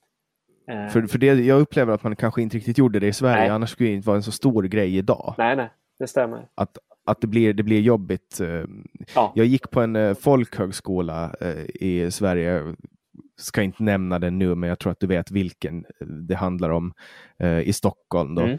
Eh, som, som har en, en historia av, det, det finns en symbol där i skogen Ja, då vet ganska jag. nära. Jag vet vilken. Men vi behöver Ja, jag, jag har nämligen läst på, Ja. på din hemsida Ja. om, om det här Ja. och, och där märkte jag att det var liksom ingen som pratade, alltså när man pratade om, om historien av den här skolan, då var det liksom, det var ingen som man ville liksom inte ha med det att göra. Man Nej. ville inte nämna att det har hänt. Det var som att, att det var jättefint med historia och det var byggnaden och det fanns historiskt och det, man kunde känna historiens vingslag och så vidare. Men att, att det har rört sig prominenta nazister där, det ville man liksom inte vidröra.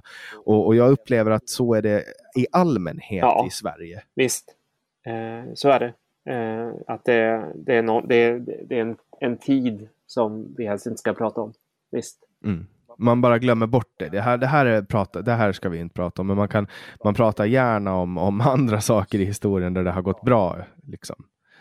Ja, Eh, och och i, i Finland har vi inga problem att prata om att, att vi hade samröre med nazisterna. Jo, visst. Hitler kom på besök till Finland. Jo. Eh, och Och- Eh, fångar från Röda armén som var judar blev ju utlämnade till tyskarna. Det var inte jättemånga, men det var några. Eh, Mm, nej, men och, det skedde arkebuseringar på gatan. Man sköt kommunister på gatan i Finland. Jo, visst.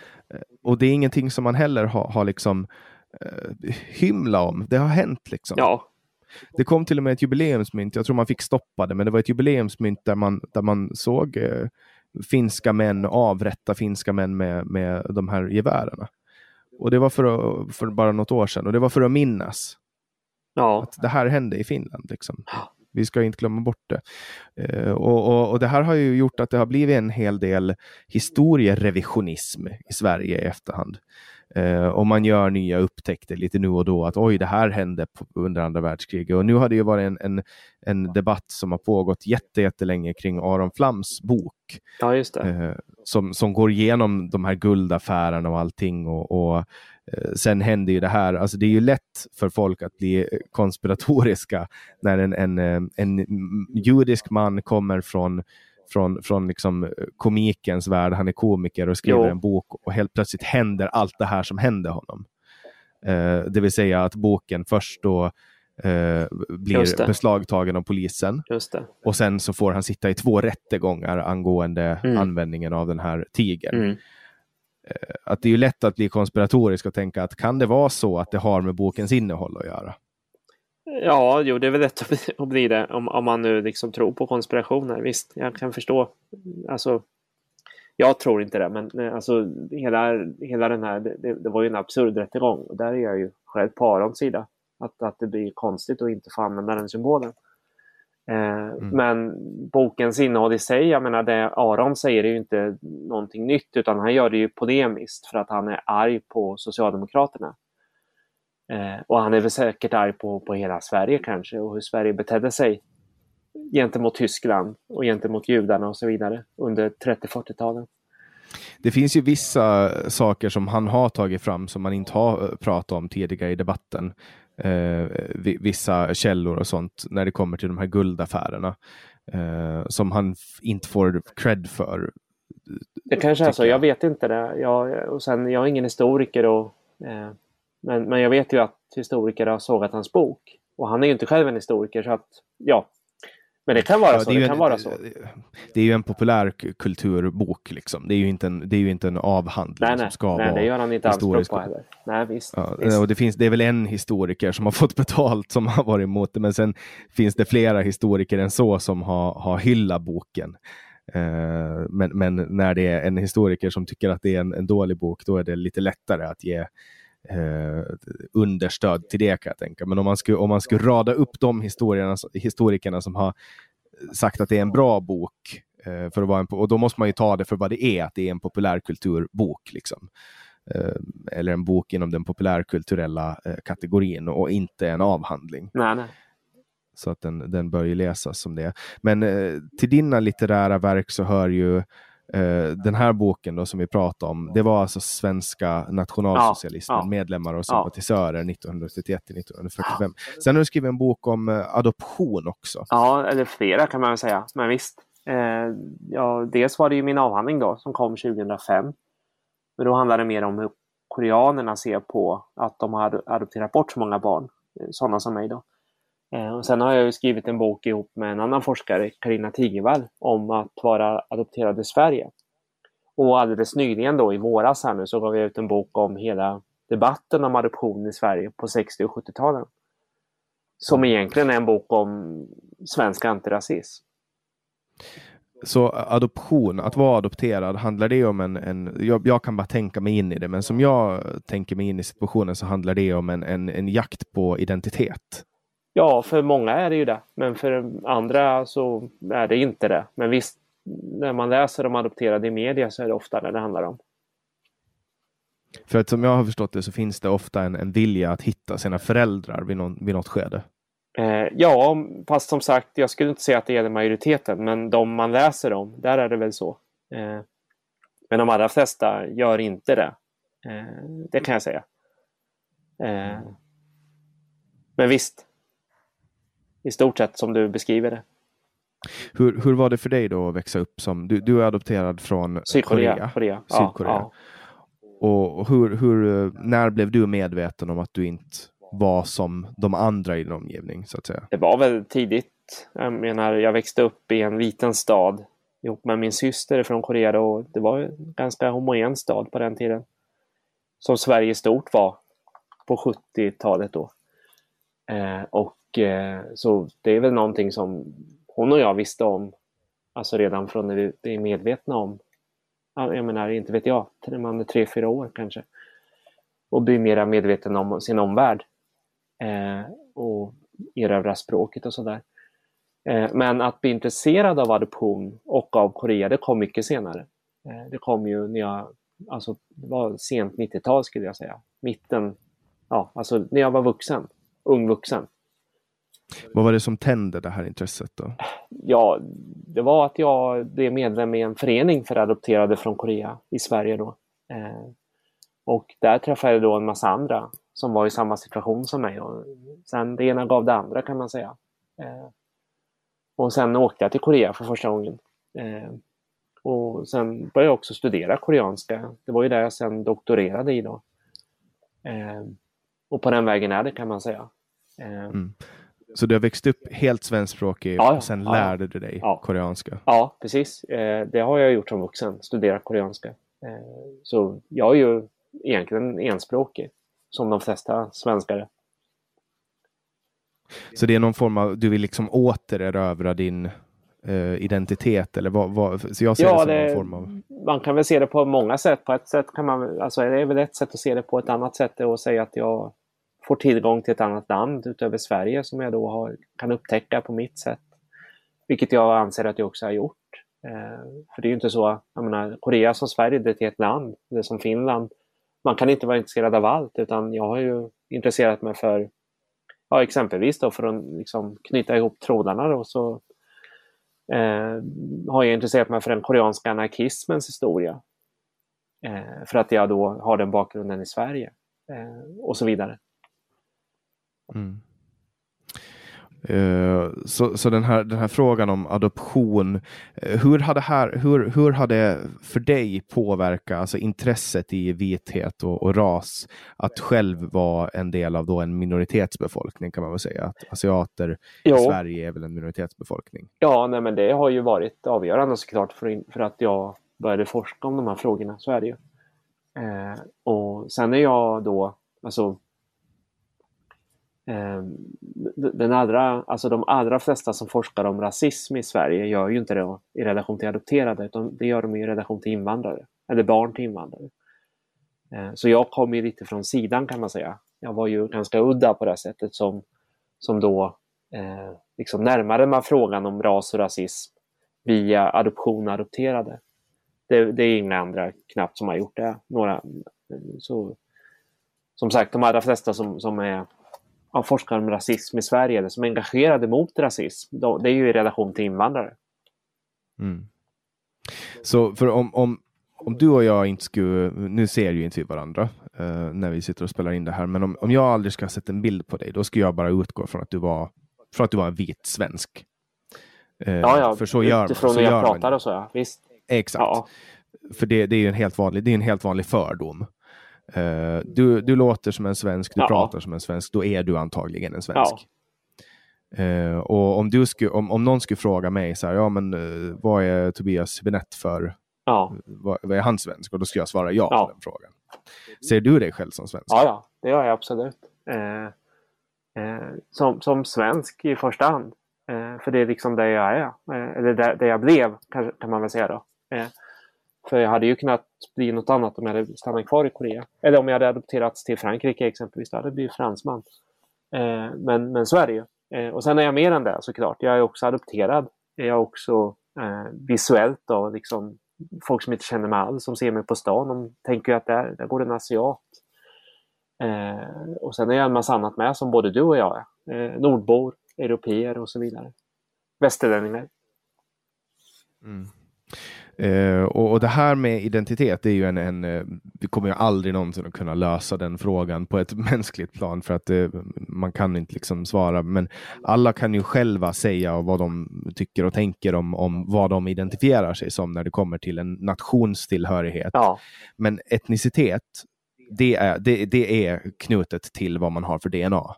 Eller? Nej, det är så här. Jag gör ju en åtskillnad mellan ras och etnicitet. Ra, ras är ju då det här utseendemässiga som vi började prata om. Eh, Okej, okay. eh, jag trodde att det var tvärtom. Ja, jag tänkte... Medan etnicitet är liksom allt det andra. Eh, det är hela det här kulturella paketet som innehåller sånt som språk, religion, värderingar. Eh, det finns så mycket annat. Vilken mat man äter, det är ju väldigt kulturellt. Vad vi dricker, det är kulturellt. Eh, ja. ras, okay, ras är alltså DNA och etnicitet alltså, så att du är etniskt svensk? Ja, det skulle jag säga. Om man, om, på det sättet skulle jag säga att det är det korrekta sättet att använda termen etnicitet på.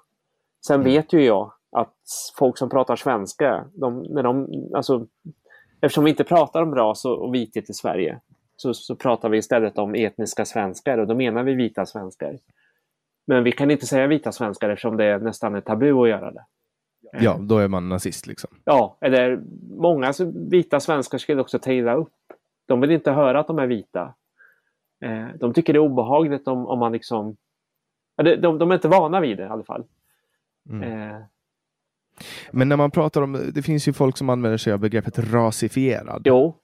Vad menar man med det? Ja, de som gör det, och det kan jag väl också göra ibland, men inte så ofta som andra gör. De menar ju då helt enkelt icke-vita personer. Men var kommer det ifrån, ordet rasifierad? Ja, det kommer ifrån, alltså det finns Ja, kort kan man säga så här då att eh, på 70-talet i Storbritannien så fanns det ett antal forskare och de var marxister eh, som introducerade sig för hur det brittiska samhället höll på att förändras genom att det kom en massa invandrare från de före detta kolonierna kan vi säga. Då. Karibien, Västafrika, Asien och sådär. Eh, och eh, de förändrade Storbritannien sakta men säkert. Eh, och eh, för att beskriva den förändringen, och eftersom de också var marxister, de var inte så intresserade av identitet exempelvis, utan de var mer intresserade av strukturer. Eh, som marxister, alltså klassiska marxister är, så kunde de exempelvis säga då att eh, vissa delar av London höll på att rasifieras, kunde de säga. Racialized var det på engelska då, racialization. Eh, och då beskrev de en, en, strukturell process, så de menade egentligen inte människorna. Men, eh, och det här begreppet det tas då sen till Sverige och översätts som rasifiering på svenska eh, i slutet på 90-talet av en forskare som heter Irene Molina. Men sen var det knappt någon som använde det här begreppet utan det var väldigt akademiskt. Tills en grupp eh, eh, som kallade sig Rummet som var, ja, de var aktiva då runt 2014-15 kan vi säga då. Eh, åren innan flyktingkrisåret. De lanserar den här termen rasifierade. Och det de menar är egentligen icke-vita. Personer som inte kan passera som vita i Sverige. Eh, och sen får det här ordet då, som du nu frågade om, det får liksom fäste i svenska språket. Eh, och eh, eftersom man inte kan prata om icke-vita i Sverige, lika lite som man kan prata om vita, så har rasifierade blivit någon slags snällare vision. Så om man liksom ska prata med svenskar i Sverige som på något sätt ja, nej men om de på något sätt någon gång måste prata om utseendeskillnader så kommer de att säga etniska svenskar och rasifierade. Mm. För jag kommer ihåg första gången jag hörde om det här ja. begreppet. Det var precis, precis när jag hade flyttat till Stockholm. Uh, så det måste ha varit hösten 2016 när SSU eh, skulle anordna någon form av möte um, och där, de, där bara rasifierade fick delta. Uh, och det får man ju inte ha. Man får ju inte separera bort folk från möten eller evenemang då på grund av hudfärg. Nej, just det. Jag, jag, vet vad du menar för evenemang. Ja.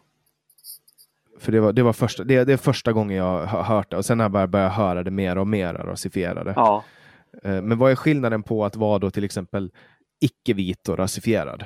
Nej, det är ingen skillnad utan det är ju ett liksom när de rummet, den här, det var ett kollektiv, det var fyra icke-vita kvinnor helt enkelt, eh, som kallade sig rummet. Eh, som ett skrivarkollektiv kan man säga. När de lanserade det här ordet då, som fick ett sånt stort genomslag, så gjorde de det för att de, de var medvetna om att man inte kan prata om vita och icke-vita i Sverige. För det är liksom tabu att göra det, för då pratar man om ras. Men det låter ju nästan som att, alltså, att rasifiera, jag menar, man, om, man, om man är vit tillhör den vita rasen, vilket låter jättekonstigt att säga. För att när jag tänker på ja, raser, ja. då tänker jag oftast på hu ja, hundar, hundraser. Liksom. Men, men eh, att säga rasifierad, det är ju ungefär som att mena att vit inte är en ras, utan att det är standard. Ja, det är liksom default. Och, och, det är det som är problemet med rasifierad, för att vita människor blir också rasifierade, om man nu ska liksom vara eh, sann gentemot de här brittiska marxisterna som myntade den här termen. de pratade för övrigt inte ens om människor på 70-talet. Men jag menar, en, en, en vit svensk som reser till Thailand på semester och ger sig ut på landsbygden i Thailand kommer ju vara i stort sett den enda vita personen där. Och den personen kommer att betraktas som en vit person av thailändarna. Mm. Och eh, kanske i vissa sammanhang behandlas liksom, på något speciellt sätt som antingen kan vara positivt eller negativt.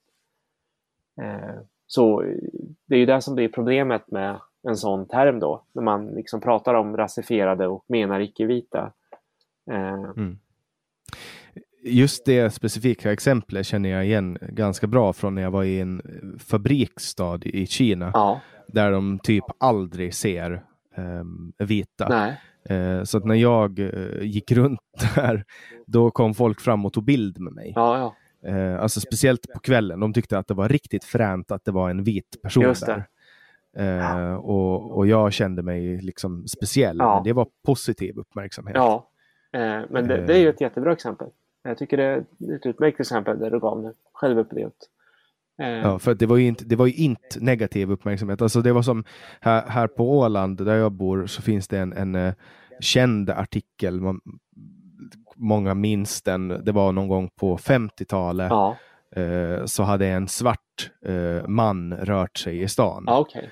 Och, och det blev en rubrik i tidningen. Och den rubriken så brukar folk, de minns den. Liksom, Just att, det. Där man använder det här eh, föråldrade ordet Just och, och, sa att man har sett en Just sån här det, person just i stan.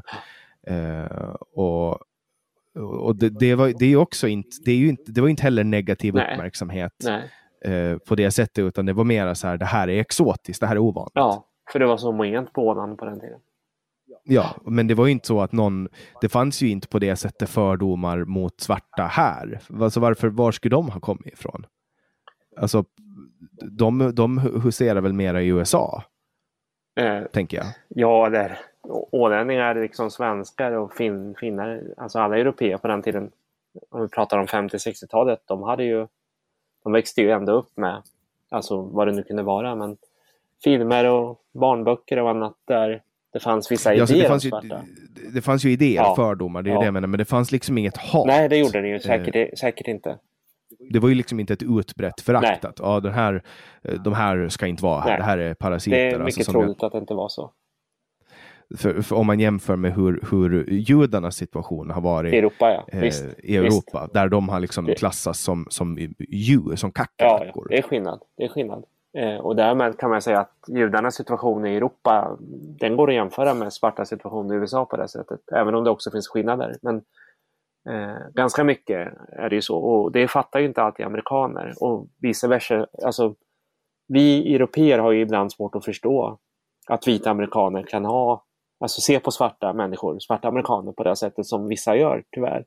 Och vice versa då så kan en del vita amerikaner eh, ha svårt att förstå hur europeer behandlade judar historiskt.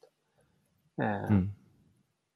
så, så det är bra att du nämner judar här för att det är, eftersom de flesta judar lämnade Europa, de som överlevde förintelsen, efter 1945 så, så är det liksom nästan bortglömt det här med eh, alltså att det var ju den, den stora minoriteten i Europa, de var ungefär lika många som muslimerna idag procentuellt sett. Då.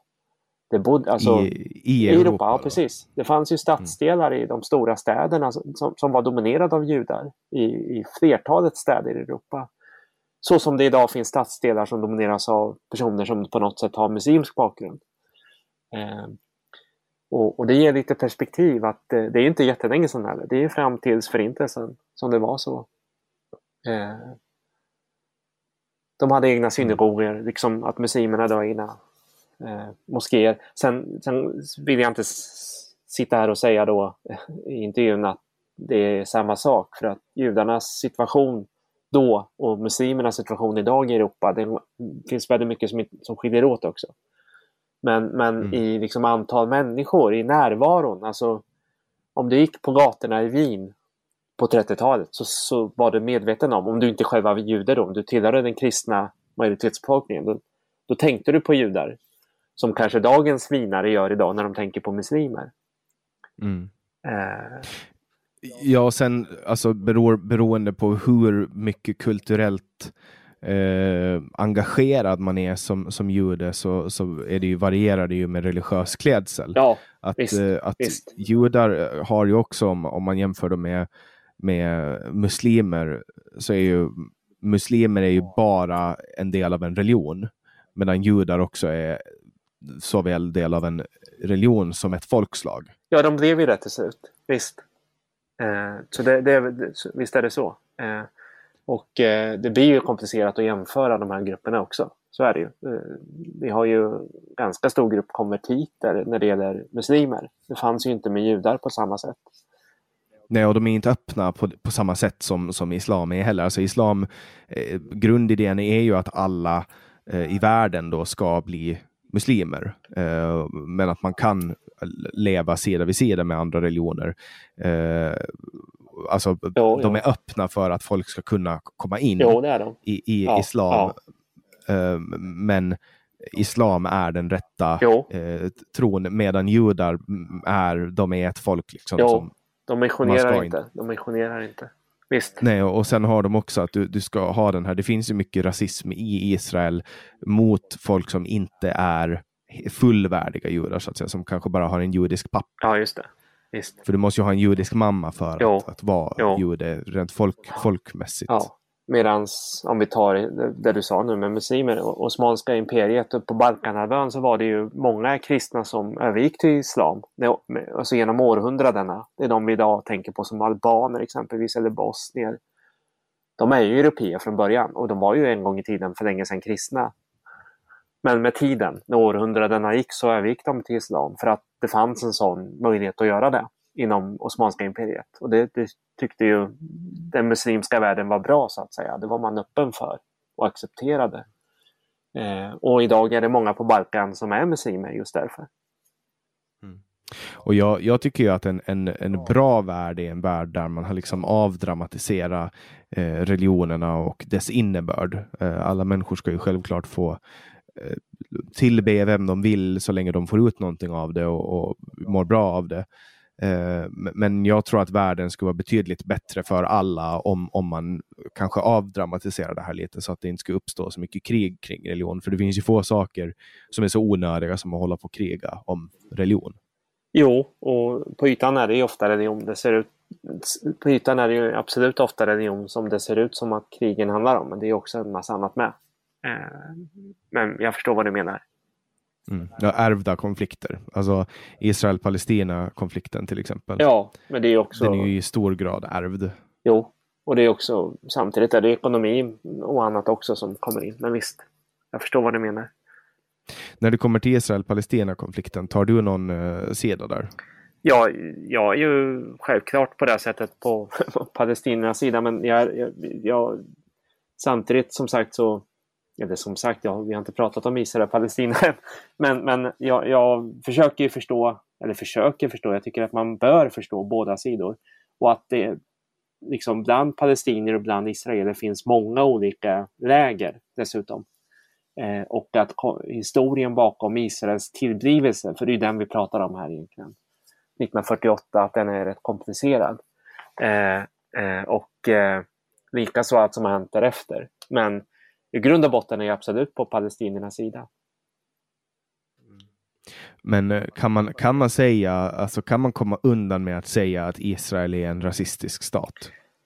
Ja, det, det, är, en, det är en stat som, som eh, diskriminerar. Eh, men eh, jag vet inte, alltså jag är för dåligt insatt. Jag kan inte särskilt mycket om Mellanöstern, men jag hör ju det argumentet. Absolut, så det, när du säger det så kommer det ju, alltså, såklart jag är bekant med argumentet att Israel är en rasistisk stat. Eh, att det finns likheter med de europeiska eh, bosättarstaterna, det är en sak. Eh, eh, det vill säga stater som då grundas eh, genom att människor har flyttat dit från Europa. För det, de flesta i Israel var ju egentligen från Europa, i början i alla fall, 1948, som kom där. En massa judar från övriga delar av världen också, sen Mellanöstern och Etiopien och så. Eh, men, eh, så där finns det en likhet.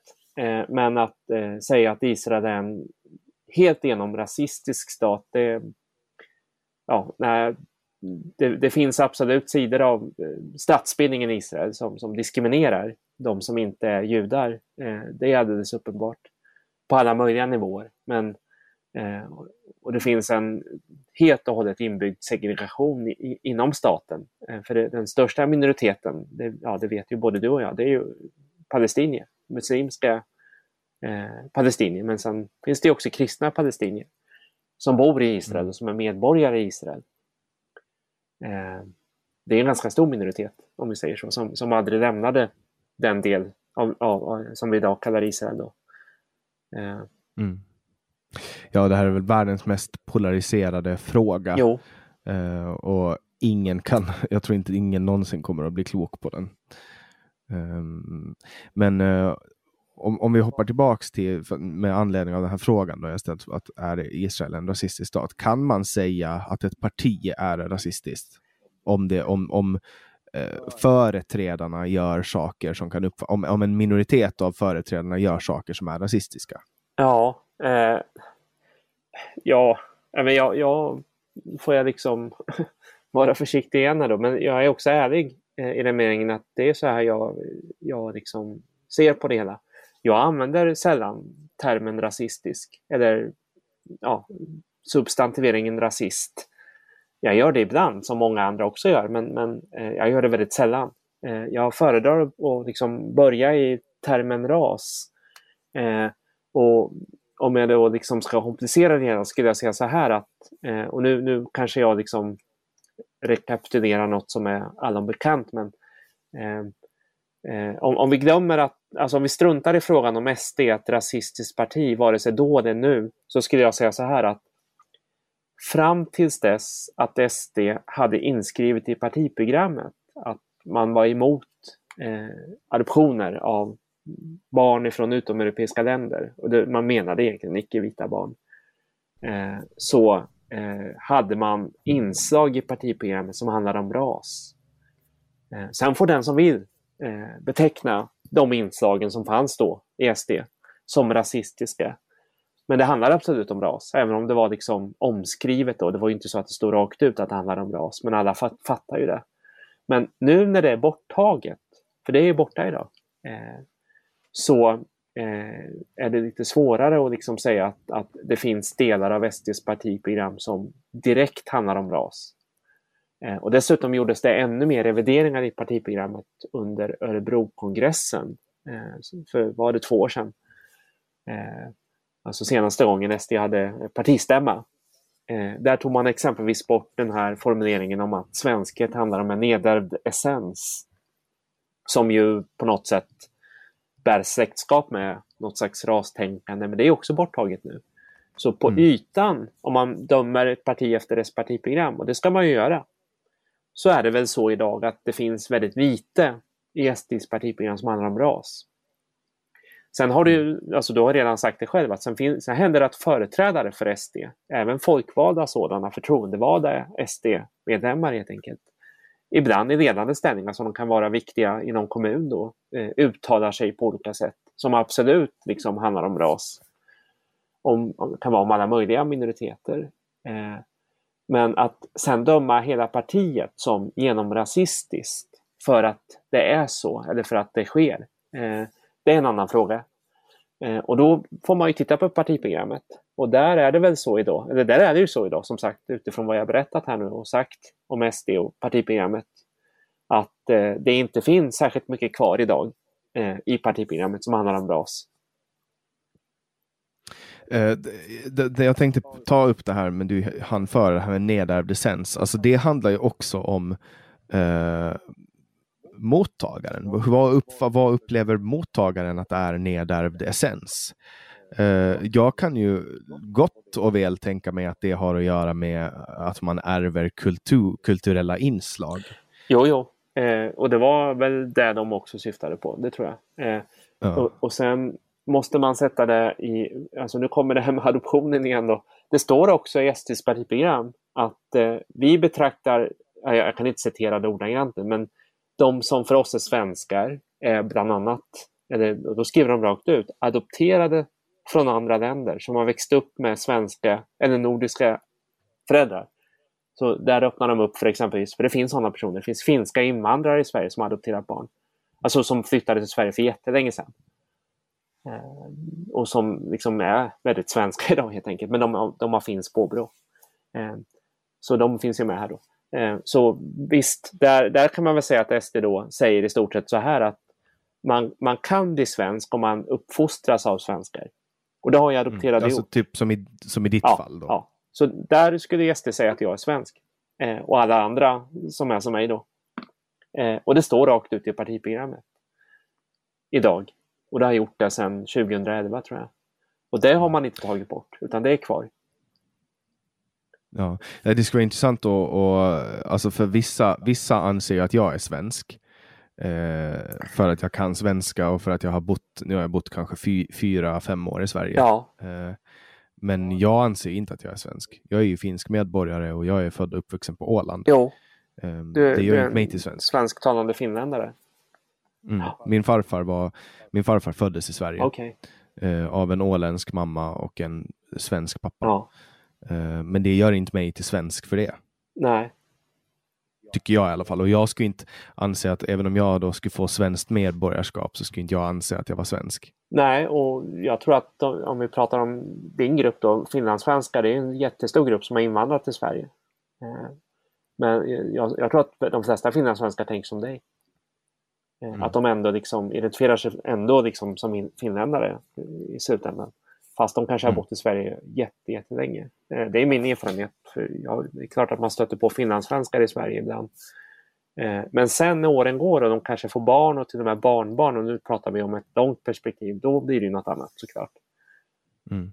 Eh, Så jag förstår, Ja, men- jag förstår det du säger. Och, och liksom, eh, Ja, som, som ålänning så har vi också någon form av, eller som ålänningar har vi någon form av eh, också hat-kärleksrelation till Finland. mm, Vi älskar Finland när det är dags för hockey-VM. Eh, men men eh, rent politiskt så tycker vi inte om Finland lika mycket. Eh, och, och där är det också med Sverige, vi är ju mera i allmänhet på gruppnivå så är ålänningar reser mera till Sverige just det. eh, än till Finland och studerar mera i Sverige. Ja, Men det har mångt och mycket att göra med att när du ska ta en färja eh, så kan du åka över öppet hav till Sverige. När du ska ta en färja till Finland så måste du åka genom skärgård och där finns det has- hastighetsbegränsningar. Så det tar två timmar att ta sig till Sverige med färja och det tar fem timmar att ta sig till Finland med färja. ja just det. Även om distansen då rent fågelvägsmässigt är lika lång. Ja, Eh, men det påverkar ju också. Men just det svenska språket är väl det som starkast gör att vi på Åland har lättare att följa med i svensk politik. De flesta ålänningar tror jag, nu är jag inte helt säker på det här, är mer inlästa på svensk politik än finsk. mm. ja men det Så- kan jag förstå. Och, och det låter rimligt. Eh, och det är ju en självstyrande del av Finland också. Ja, Det var ja, ju, ju en vår- uppgörelse har som ju- gjordes efter första världskriget. Ja, du, jag, tror- jag tror du måste vara den eh, eh, gäst som jag har haft med eh, som är svensk som vet Jaså? om Åland. Ja, ja. ja, men jag är intresserad av historia och sådär. Jag har ju varit en del på Åland, som alla andra svenskar också i och för sig. Men, men, Ja, de flesta åker ju förbi. ja, jo, men jag har ändå spenderat tid i Jag tycker det är en vacker stad. En stor, stor, Mm. Mariehamn och sådär. Vad brukar du göra på Åland? Ja, men jag har besökt alla museer och jag har tittat på de här gamla byggnaderna som finns. Och, ja, skulle gärna vilja åka runt mer till de mindre eh, samhällena. Titta på kyrkorna och sådär. Så, Mm. Du har ett, ett visst eh, ku- ku- kulturhistoriskt Precis. intresse också då? Ja. Ja, då är ju Åland en, en eh, formidabel guldgruva. ja, det kan jag tänka mig. För de som är intresserade. Sen är det många som kommer hit är ju mest intresserade av att festa. Ja, så är det väl. Så det har ju slagit ganska hårt mot eh, vår ekonomi, coronakrisen. Ja, det kan jag föreställa mig. Sen, sen har vi inte haft lika stor eh, inverkan då över, över eh, restriktionerna som, som, som vi skulle ha haft om vi skulle ha varit en egen nation. Nej, just det. Mm.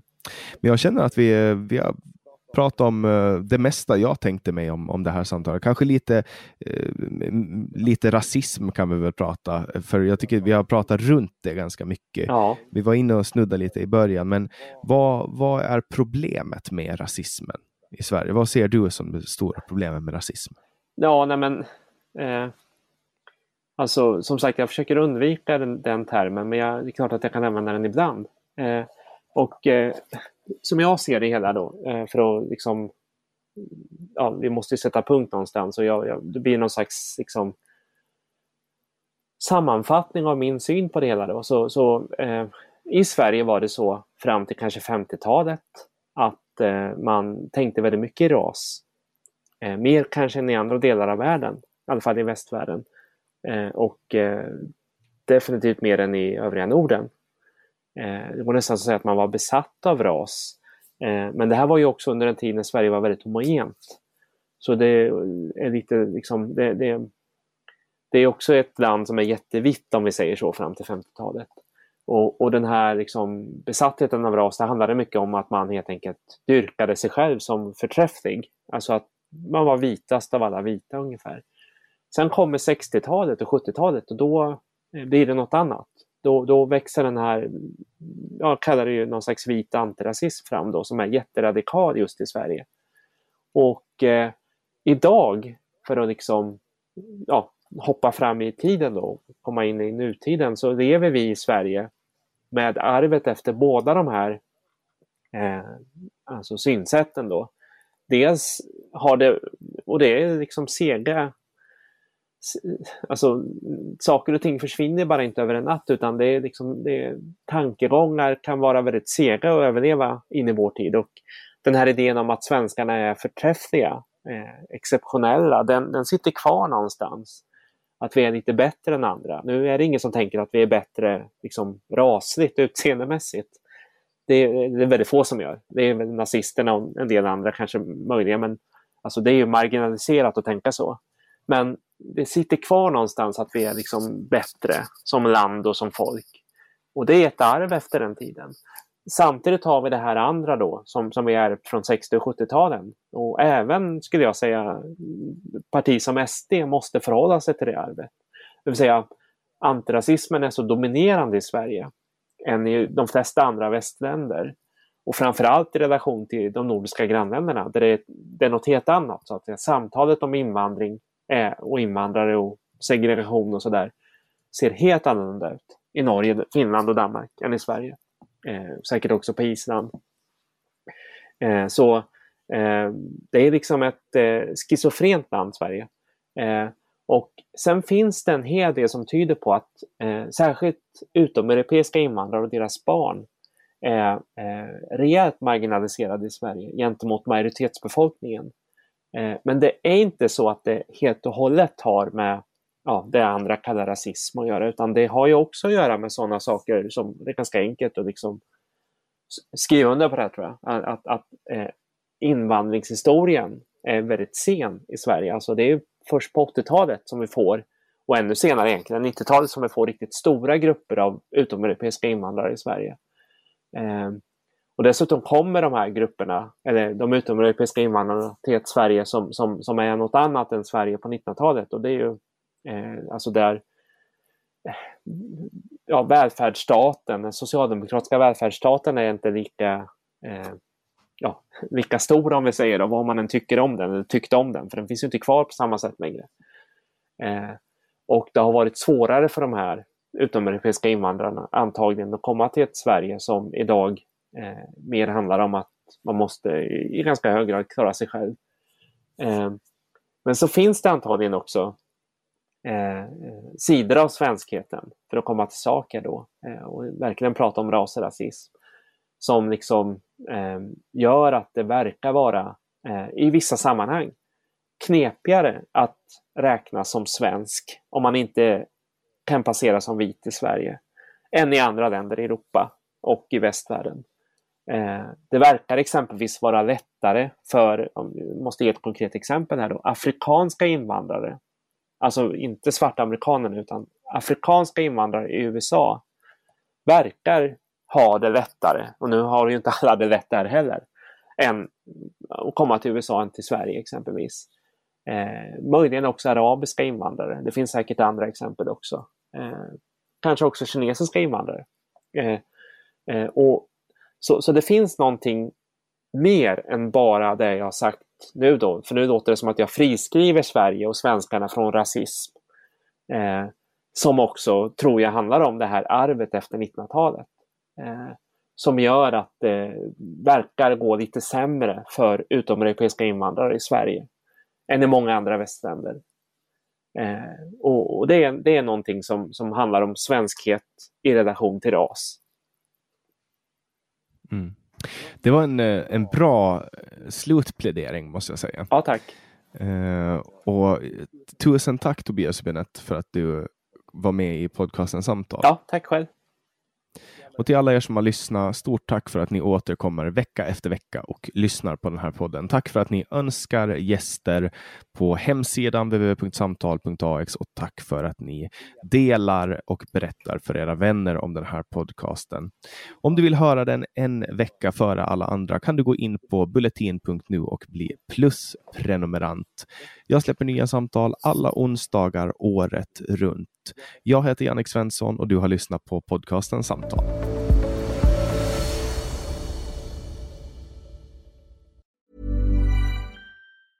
Even when we're on a budget, we still deserve nice things. Quince is a place to scoop up stunning high-end goods for 50 to 80% less than similar brands. They have buttery soft cashmere sweaters starting at $50, luxurious Italian leather bags, and so much more. Plus, Quince only works with factories that use safe, ethical, and responsible manufacturing. Get the high-end goods you'll love without the high price tag with Quince. Go to quince.com/style for free shipping and 365-day returns.